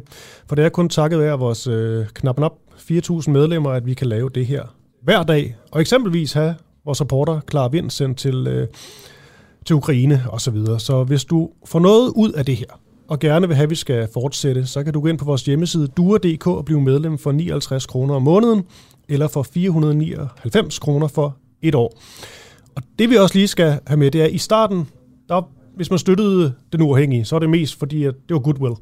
Mm. Øhm, fordi det hele var gratis alligevel. Men øhm, nu, der kan du både støtte op om vores arbejde, men også få adgang til en række eksklusive programmer, som vi har lagt i vores app. Blandt andet et nyt program, der hedder Dagbog fra Ukraine, hvor vi simpelthen taler med danskere, som har en masse på spil, eller nogle af dem, der tager ned for at, at, at slås så videre. Så vi, sådan, vi, vi, vi følger op på, på de historier, og det kan du høre i den, øh, i den podcast, vi simpelthen lancerede sådan lidt øh, fra hoften i, øh, i tirsdags, tror jeg det var, Dagbog fra Ukraine. Lad mig, ja, undskyld. Jeg vil bare sige, den kan du så få adgang til, hvis du bliver, bliver medlem. Og lad mig lige helt kort sige, at i går der øh, mødtes Rusland og Ukraine til øh, anden runde af fredsforhandlinger, og det, der kom ud af de forhandlinger, det er, at man er blevet enige om at lave militære korridorer fra øh, de civile byer, som er blevet bombet. Og nu skal vi til Samuel Raklin, som skal øh, fortælle os om, om Vladimir Putin, han altså planlægger at genrejse Sovjetunionen, fordi da Sovjetunionen faldt, så var det et øh, stort traume for Vladimir Putin, og nu invaderer han jo som bekendt Ukraine. Der er en gammel sovjetstat, og øh, Samuel Raklin, tidligere øh, korrespondent for Danmarks Radio i det daværende Sovjetunionen. Hvor tror du, at Ruslands grænse ville gå, hvis øh, Putin han kunne få lov til at bestemme? Og godmorgen. Godmorgen, godmorgen. Uh, jeg vil først uh, lige anmærke, at jeg tror ikke, at Putin ønsker at genskabe Sovjetunionen. Det er et stort Rusland, han gerne vil se. Altså, han har ikke nogen... Det kan godt være, at han har visse nostalgiske følelser for det gamle Sovjetunionen, som han er et produkt af. Men det, han vil holde øh, fast ved, og det, han vil etablere, det er den russiske verden, som han bliver ved med at fable om. Og det er altså det gamle Rusland, som består af selve Rusland, af Belarus og selvfølgelig ikke mindst Ukraine. Øh, og øh, det er det, han har sat sig som mål. Det er det, han vil etablere. Og, og han har også en drøm om, at det skal blive hans politiske og historiske eftermæle, at han var den, der overvandt nederlaget, ydmygelsen, fornedrelsen efter øh, afslutningen af den kolde krig, da Rusland blev degraderet og st- fremstod som en anden rangs øh, nation. Nu vil han se det, det Rusland, ikke Men, men siger, du så, siger du så også, Samuel Raklin, at han ligesom vil være, groft sagt, tilfreds, hvis han får, øh, får Ukraine og måske også øh, Belarus? Altså han ikke Som han behøver jo så... nærmest har i virkeligheden, ikke? Ja. Belarus. Uh, jo, Belarus er, ligger i lommen på uh, Putin eller Moskva. Nej, altså, det er hans mål nu. Mm. Hvor han vil stoppe, det er der ingen, der kan sige. Uh, fordi uh, det virker jo, hvis man sidder og Putin og sidder i Kreml, eller hvor han nu gemmer sig, og så ser det ud som om uh, for ham, at det går jo rigtig godt. Det går sådan, som vi havde forestillet os. Øh, vi er i gang med den ekspansion, og øh, vi har frie tøjler, så hvor han vil stoppe, øh, det er ikke til at sige. Og så vil jeg også godt sige, at selvom det øh, selvfølgelig er Ukraine, der er målet nu, men det overordnede mål, det som virkelig truer øh, øh, Putin, og det han føler som truer hans system, det er det vestlige liberale demokrati det er den største trussel mod det øh, nationalkonservative øh, kleptokrati, som han har oprettet i, øh, som han har skabt i, i Rusland. Og, og han ser jo, at, øh, og siger det, han ser det ikke kun, han taler om, at det vestlige demokrati står for fald. Det er hans åbenbart øh, historiske chance for at øh, mm, ja, jage en pæl igennem øh, et, øh, det vestlige demokrati, som i, i hans opfattelse, så, i hans øjne, så det er ikke øh, kun, ligger med, med dødskramper. Så det er ikke kun ekspansivt, det er også for at bevare en eller anden form for øh, national øh, opretholdelse og, øh, og ro og orden? Ja, det er åbenbart en del af hans politiske filosofi og hans politiske vision, som han er i gang med at realisere. Og Samuel Ragnin, de her øh, vurderinger, du laver, kan du give nogle eksempler på, hvad det er, der, øh, der får dig til at lave dem? Altså har Putin øh, sagt noget særligt, som, øh, som gør, at, øh, at du vurderer han det har sagt, Han har sagt en masse igennem de 22 år. Uh, han har været ved magten, der peger i den retning. Og det er ikke kun ord, han har også handlet.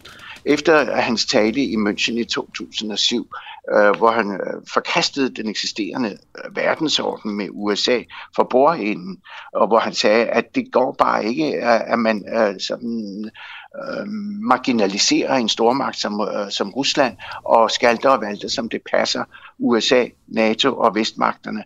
Nu vil han øh, ind i, øh, i spillet.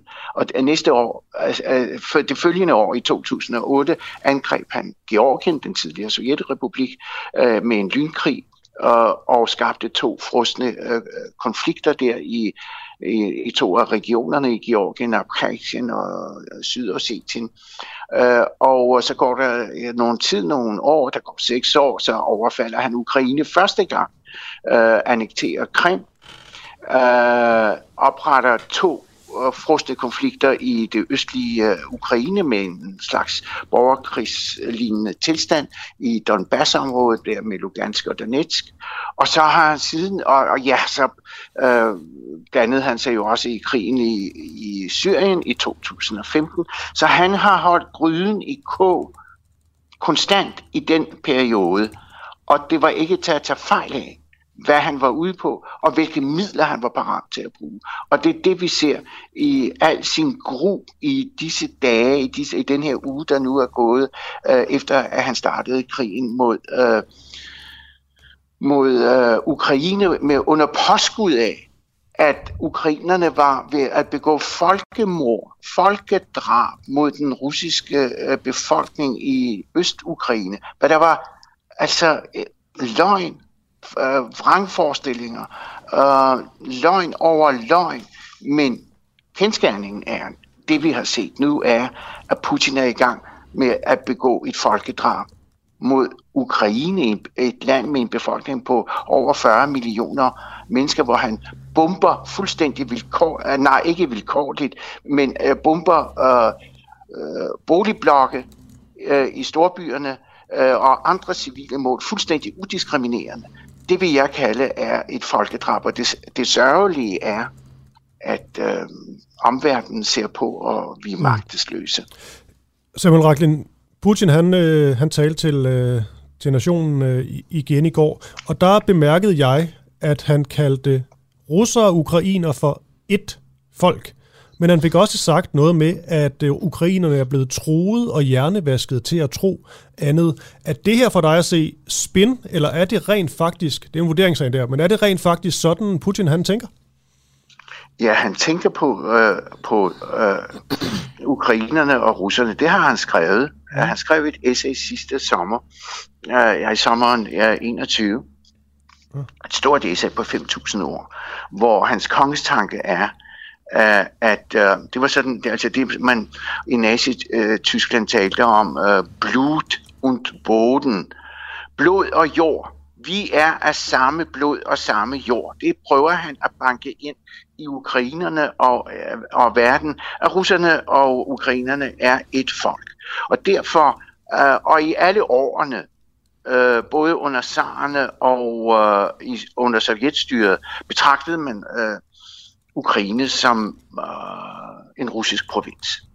Og øh, øh, de var, øh, ukrainerne var øh, Øh, russerne og ukrainerne var brødre, men det var klart, at øh, russerne var storebror og øh, ukrainerne lillebror.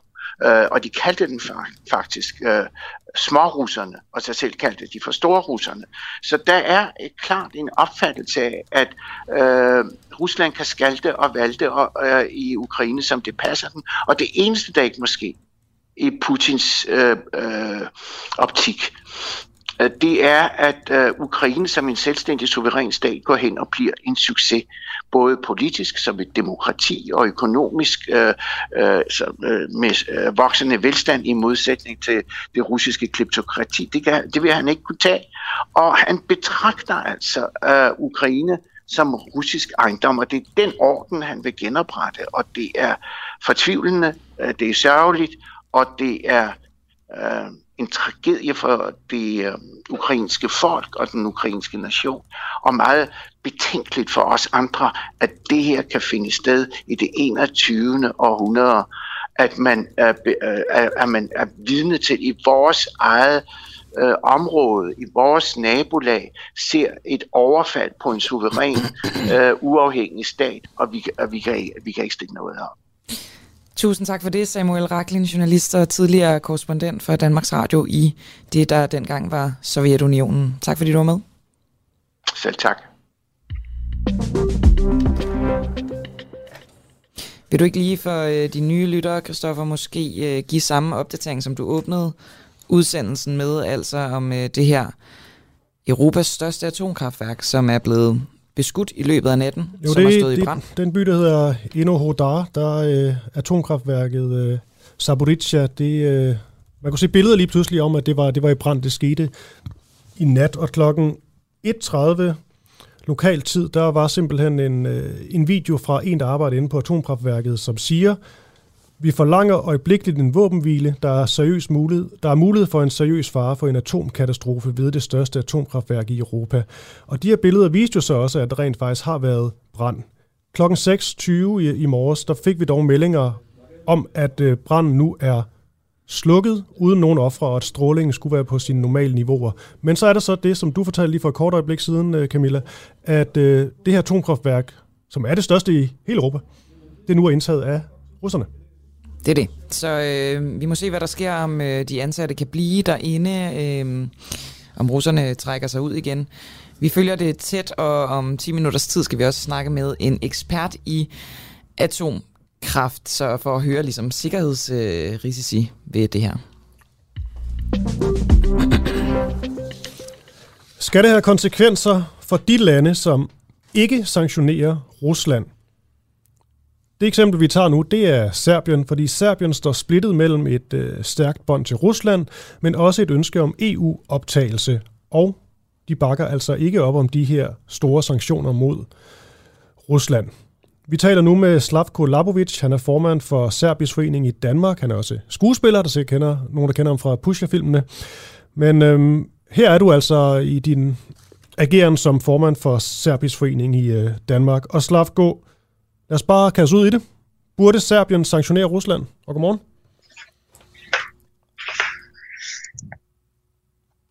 Kan du høre os? Det kan godt være, at vi prøver at ringe igen måske. Slavko, kan du høre os?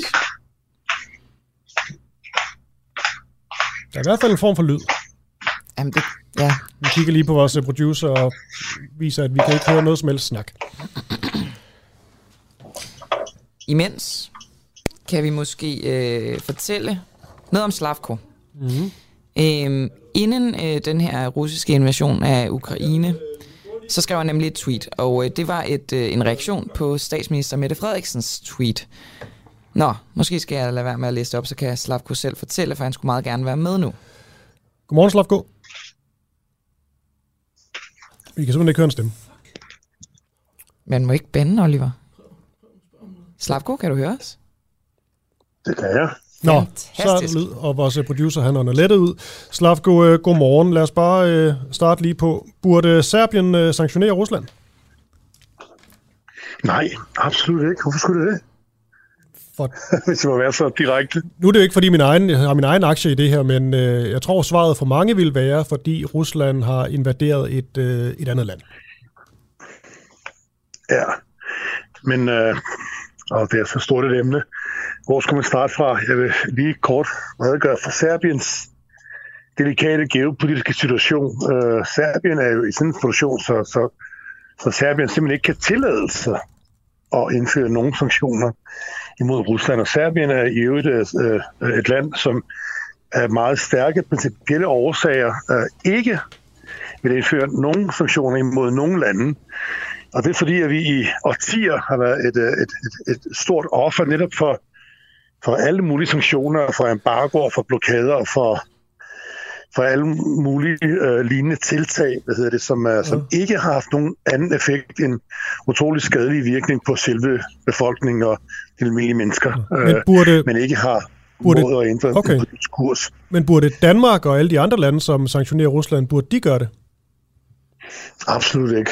Det er der, slet ikke, det er der absolut ikke ingen øh, objektive årsager til. Øh, men Det må du lige- det må du lige et- et forklare. Stort, øh, ja, øh, problemet øh, bunder i, i, at, hvad hedder det, øh, hvis vi tager den danske befolkning som udgangspunkt, og, og, og med samtidig også alle andre befolkninger, de har alle andre EU-medlemslande, og dermed også hele den vestlige verden, er i den grad misinformeret.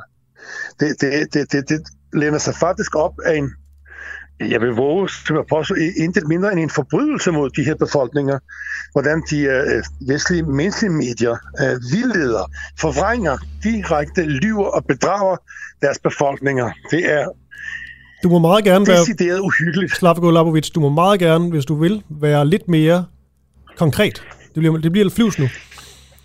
Jamen lad os, okay, lad os, lad os tage et konkret eksempel. Uh, uh, situationen i Ukraine bliver først og fremmest fremstillet som, at uh, Rusland har startet en krig. Det er lige omvendt. Rusland er tvunget til at afslutte en krig. Hvad er det for en der, krig? Der, der, der, der har været krig i Ukraine i otte år. Du taler om Der har været krig i- Donbass-regionen. Naturligvis, øh, civilbefolkningen har været udsat for daglige artilleriangreb, for drab, for mord, for bombninger af infrastruktur, af skoler, hospitaler. Det, det, den vestlige verden er fuldstændig blind. Den er ikke blevet informeret om det, og det er ikke tilfældigvis. Det er det, politikken går ud på. Så du støtter, Rusland, starter så du med- støtter Ruslands krig, nuværende krig mod øh, Ukraine? Prøv at, jeg vil ikke bruge en sætning om, at jeg, jeg støtter en krig, men, øh, men hvad hedder det? Det handler om, at, øh, at man har øh, målrettet, systematisk i overvis øh, tvunget Rusland op i et hjørne, hvor, hvor Rusland simpelthen føler sig truet på sin blotte eksistens. Rusland har, har, i den grad forsøgt at finde en fredelig løsning. Øh, Så, og du, det, så, det er du mener, for eksempel... altså, så du mener, at krigen er berettiget, trods alt? Invasionen er berettiget? Ja, absolut. Okay. Jamen, det, det er simpelthen det, at det handler om liv og død. Uh, i, I 2014, uh, da, da, da den vestlige verden faktisk støtter et decideret statskup i Ukraine, der forsøger Rusland at finde en fredelig løsning, og, og, og, det, og det udmyndter sig i de såkaldte uh, Minsk Agreements, mm. som ender med, at, at, at, at, at Frankrig og Tyskland, Ukraine og Rusland uh, får for, for flækket en fredsaftale sammen, hvor den øh, ukrainske regering og repræsentanterne for de to udbryderrepublikker underskriver, begge parter underskriver en fredsaftale, som øh, i bund og grund handler om, at øh, Rusland naturligvis øh, støtter op og anerkender øh, Ukraines territoriale integritet. Republikkerne bliver selvfølgelig ved med at være en del af Ukraine, men får en slags selvbestemmelse, en slags særstatus. Men nu siger Og du det er noget helt selvfølgelig, op Slavko, altså det er jo de her Minsk-aftaler, de er jo meget op til sådan Ja. en fortolkning, kan man sige. Undskyld, jeg får en tus i halsen. Nej, klare og tydelige. Og det når op til en øh, FN-resolution. Det når helt op til tops i FN's Sikkerhedsråd og bliver vedtaget enstemmigt af alle de permanente medlemmer i Sikkerhedsrådet. Og det er helt klart, hvad der skal foregå. Der er lavet en, øh, en øh, roadmap og en kronologi, som alle parter har skrevet under. Siden da er det blevet systematisk undermineret af den ukrainske regering, desværre med netop øh, medunderskrivende og garantierne for, at de skal øh, føres ud i livet, nemlig Frankrig og Tysklands fuldstændig passivitet. Og samtidig så mobiliserer Ukraine voldsomt for i forsøg på tredje forsøg i træk at, at lave en blitzkrig, hvad hedder det, og invadere de her øh, udbryderrepublikker. Men er der nogen, der ved, hvorfor republikker har erklæret sig selvstændige og forsøger at løsrive sig? Og, Slavko, øh, ja, jeg, jeg, jeg, jeg hører, hvad du siger. Øhm, så har jeg bare et spørgsmål. Altså, hvorfor vælger Putin så at gå ind fra alle mulige øh, kanter? Altså, hvorfor fokuserer han så ikke bare på den her Donbass-region, hvis, øh, hvis det ligesom Godt er der, konflikten ligger? For det burde han vel, hvis det, hvis det ligesom er der. høre. Øh, ja.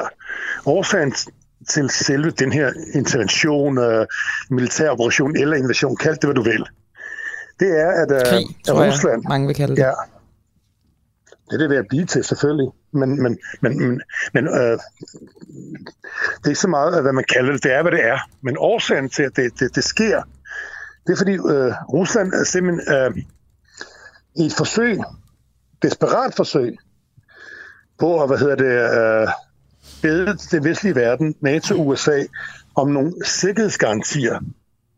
Fordi der, der findes altså nogle internationale dokumenter, som er underskrevet af alle de her parter, der er involveret. Ikke mindst den vestlige verden, som handler om, at ja, naturligvis har alle lande fuldstændig ret til eget valg øh, omkring deres personlige øh, sikkerhed øh, øh, hvad hedder det, og, har, øh, og har ret til at vælge en alliance, de vil være medlem af. Men det er på betingelse af, at det ikke er på bekostning af andre landes sikkerhed. Den formulering, den er så kirurgisk klar og tydelig, at, at man, må, man må simpelthen, at det, der foregår, NATO's udvidelse mod øst, er fuldstændig ulovlig og i strid med folkeretten. Og nu er, det, nu er det bare nok. Rusland er omringet fra alle sider. Ikke nok med, at alle tidligere medlemmer af Varsava-pagtlandene Men vil du er seriøst, men vil du mene, Slavko Lavric, altså, det er også det Putin taler om, at de ligesom har følt sig, øh, følt sig truet, vel også, vel også militært af blandt andet øh, øh, Vesten. Men jeg forstår bare ikke, Rusland har vel ikke haft nogen reel fare i de her år. Det er jo ikke sådan, at Rusland vil blive invaderet. Jo, absolut. Det tror du? Det er det, det handler om den sidste. Jamen, det er der slet ingen tvivl om. Hvem vil invadere dem? Det, det, det, det, Helt konkret. Desværre er den vestlige verden fuldstændig uinformeret, og det, og det er ikke en tilfældighed. Det er jo, det er jo simpelthen så forfærdeligt, hvor meget misbrug, hvor- hvor- hvor- hvordan medierne bliver misbrugt. Okay, men, men Slavko, nu får du ta- fri taletid her, lige i et øjeblik i hvert fald. Øhm, og jeg spørger bare, hvem helt konkret ja. vil finde på at invadere eller beskyde, eller hvad det nu kan være, øh, Rusland? En gang til. Prøv igen. Hvem vil helt konkret eksempelvis gå ind i Rusland og øh, åbne ild? Nu skal du høre. Øh, det handler selvfølgelig om NATO, fremført af USA. De rykker tættere og tættere og tættere og tættere på den russiske grænse. Og når et medlemsland bliver medlem af NATO, jamen så vil NATO selvfølgelig... Øh, øh, hvad hedder det? Men NATO er en forsvarsalliance. Øh, Nej, nej, nej, nej, undskyld, jeg siger det slutter af røven. Det holdt de op med at være i 95 og 92 og 99, da de bombede Serbien. Men tror du, tror du oprigtigt på, at NATO vil gå ind i Rusland og erklære krig? Absolut, det er ikke. Det er det, det handler om. Det, det har altid handlet om... Jamen, det siger du. Jeg kan bare ikke helt se sådan tegnene til, at det var ved at ske. Sådan helt ærligt. Nej, men det, det er også fordi, at, øh, at undskyld, jeg siger det, at, at, at du som ligesom alle andre mennesker og borgere i den vestlige verden simpelthen ikke er hjernevasket. informeret. Men, men, ja, øh, undskyld jeg. Nej, nej, det jeg, er, du, jeg er nødt til at være direkte. Det, handler Det skal om, du også være. Der, er foregået så, ja, der er foregået så mange ting, og mennesker har desværre den tendens til at tro på, hvad de får at vide i medierne. Men, men, Men er de russiske Højborg medier troværdige der? De er i hvert fald meget mere objektive end, end, end, end de vestlige. Hvor det fra? kan jeg forsikre dig om, fordi Det er fordi jeg følger den. Jeg læser russiske medier hver dag. Jamen, vi jeg følger da læser, også øh, amerikanske, medier, engelske og tyske. Ja, det gør vi, det gør vi Hvad jo siger sådan set også. Altså, hvorfor er din vurdering bedre end vores? Kan du ikke blive konkret på det? Hvordan du kan se, at russiske medier er mere objektive? Øh, på grund af alle de øh, politiske analyser og kommentatorer, hvad hedder det, der, der, der, der går ind og i dybden og, og tager et, øh, et specifikt problem op. Og når man så lytter til de her mennesker, og lytter til det, man hører i TV2 News, BBC, øh, Deutsche Welle, og prøv at høre, det er et ulækkert hylekor, der er åh så enige. De er så forfærdeligt enige. Hvis man tager for eksempel et rundt tal på 100, hvor du tager 100 vestlige medier, så findes der ikke et eneste lille bitte sprække, nuance, forskellig holdning eller mening til tingene. Okay. At, at det er ikke nok til at forstå, at der, der er et eller andet galt her. Der er ingen nuance, der er ingen anden holdning. Det er så ulækkert og, og nazistisk og hjernevaskende, at det kun må mene. Du kan bare se et forbud nu, hvordan man lukker munden, hvordan man det stedet forbyder en, lad os sige, modpart og udtalelser, så befolkningen kan få en anden mening. Det er uhørt, og det er uden fortilfælde. Nu har du fået lov til at udtale dig, Slavko. Vi øh, skal runde af nu. Ja, desværre. Jeg nåede ikke at... Der, vil- jeg, der er vel mange ting, jeg, jeg godt kunne tænke mig at forklare øh, for objektivitetens. Men ved du hvad, Sla- Slavko, vi sender også i næste uge, og vi synes faktisk, det er trods alt er, er befriende med, med en stemme, som lidt uh, siger noget andet end de fleste andre kilder. Så hvis du er med på den, så vil vi altså gerne tale med dig i, uh, i næste uge eller senere i dag. I er meget velkomne. I skal være meget velkomne. Bare lige ring og skriv i forvejen. Selvfølgelig. Så Tak, lige- tak for det, så du altså... Ja, selvfølgelig. Du er formand for... Tak, og hilsen til lytterne. Okay, ha' en fortsat god Ja. dag. Tak, for hej. Og det, jeg skulle til at sige, det var, at Slavko er altså formand for Serbisk Forening i, øh, i Danmark. Vi har lige øh, fem minutter tilbage, Camilla, og vi kan nå at tale med øh, Bent Lauritsen omkring det her, det der skete med det her atomkraftværk, som, som gik i brand. Hvad, hvad er seneste nyt? Skal vi være bekymret? Ja, skal vi være bekymrede i for eksempel i det her scenarie, fordi nu har det, de russiske militærstyrker jo indtaget atomkraftværket. Skal vi være bekymrede, hvis de tager øh, dem, der arbejder på atomkraftværket til fange og selv overtager? Er det en situation, som kan, øh, som kan potentielt øh, skabe en, øh, en ulykke? Gud, hvor var det et vildt interview med Slavko. Ja, det, der er bare nogle kilder, som har sådan, øh, hvad skal man sige, den høje energi, ikke? Han havde noget på hjerte. Det var en mand med en sag, tydeligvis. Det vil man også- sige. Altså, og det, øh, Fik også en ny, øh, ny stemme på. Jamen, det er det. Og det, det skal vi øh, virkelig også have plads til. Det må man sige.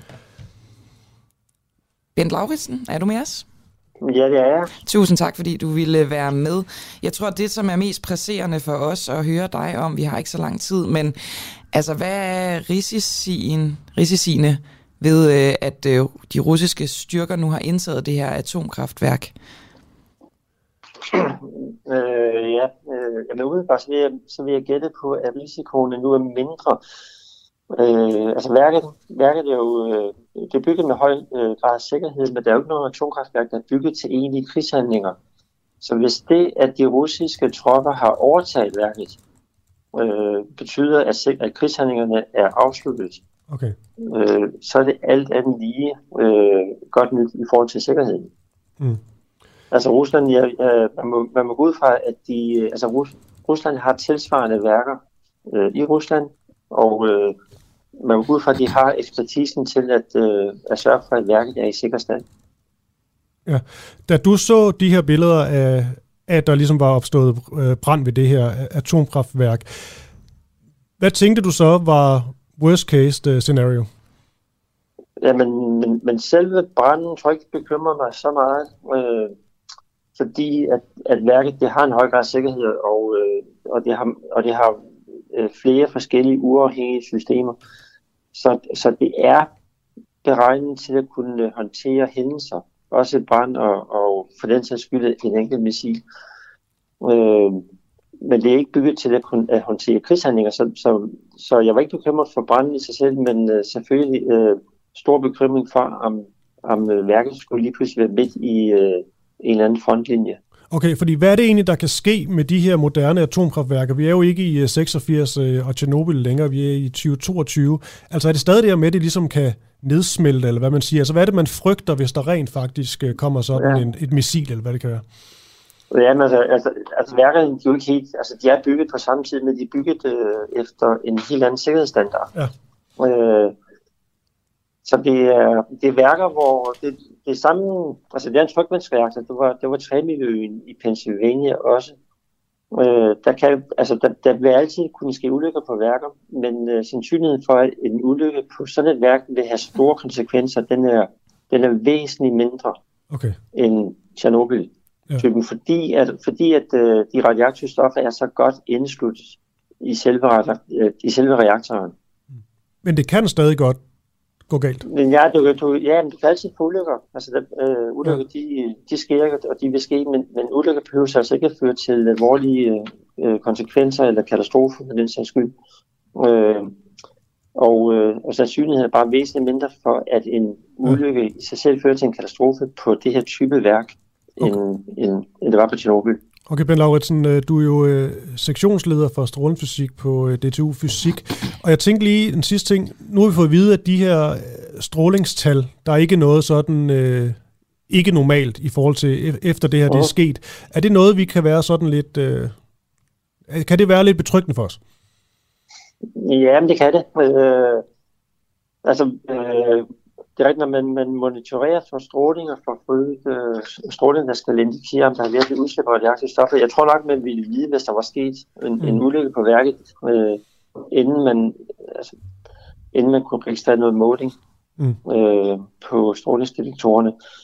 Øh, men men øh, det er betryggende, at der ikke er øget stråling. Øh, det er betryggende, hvis krigshandlingerne på selve værket er ophørt.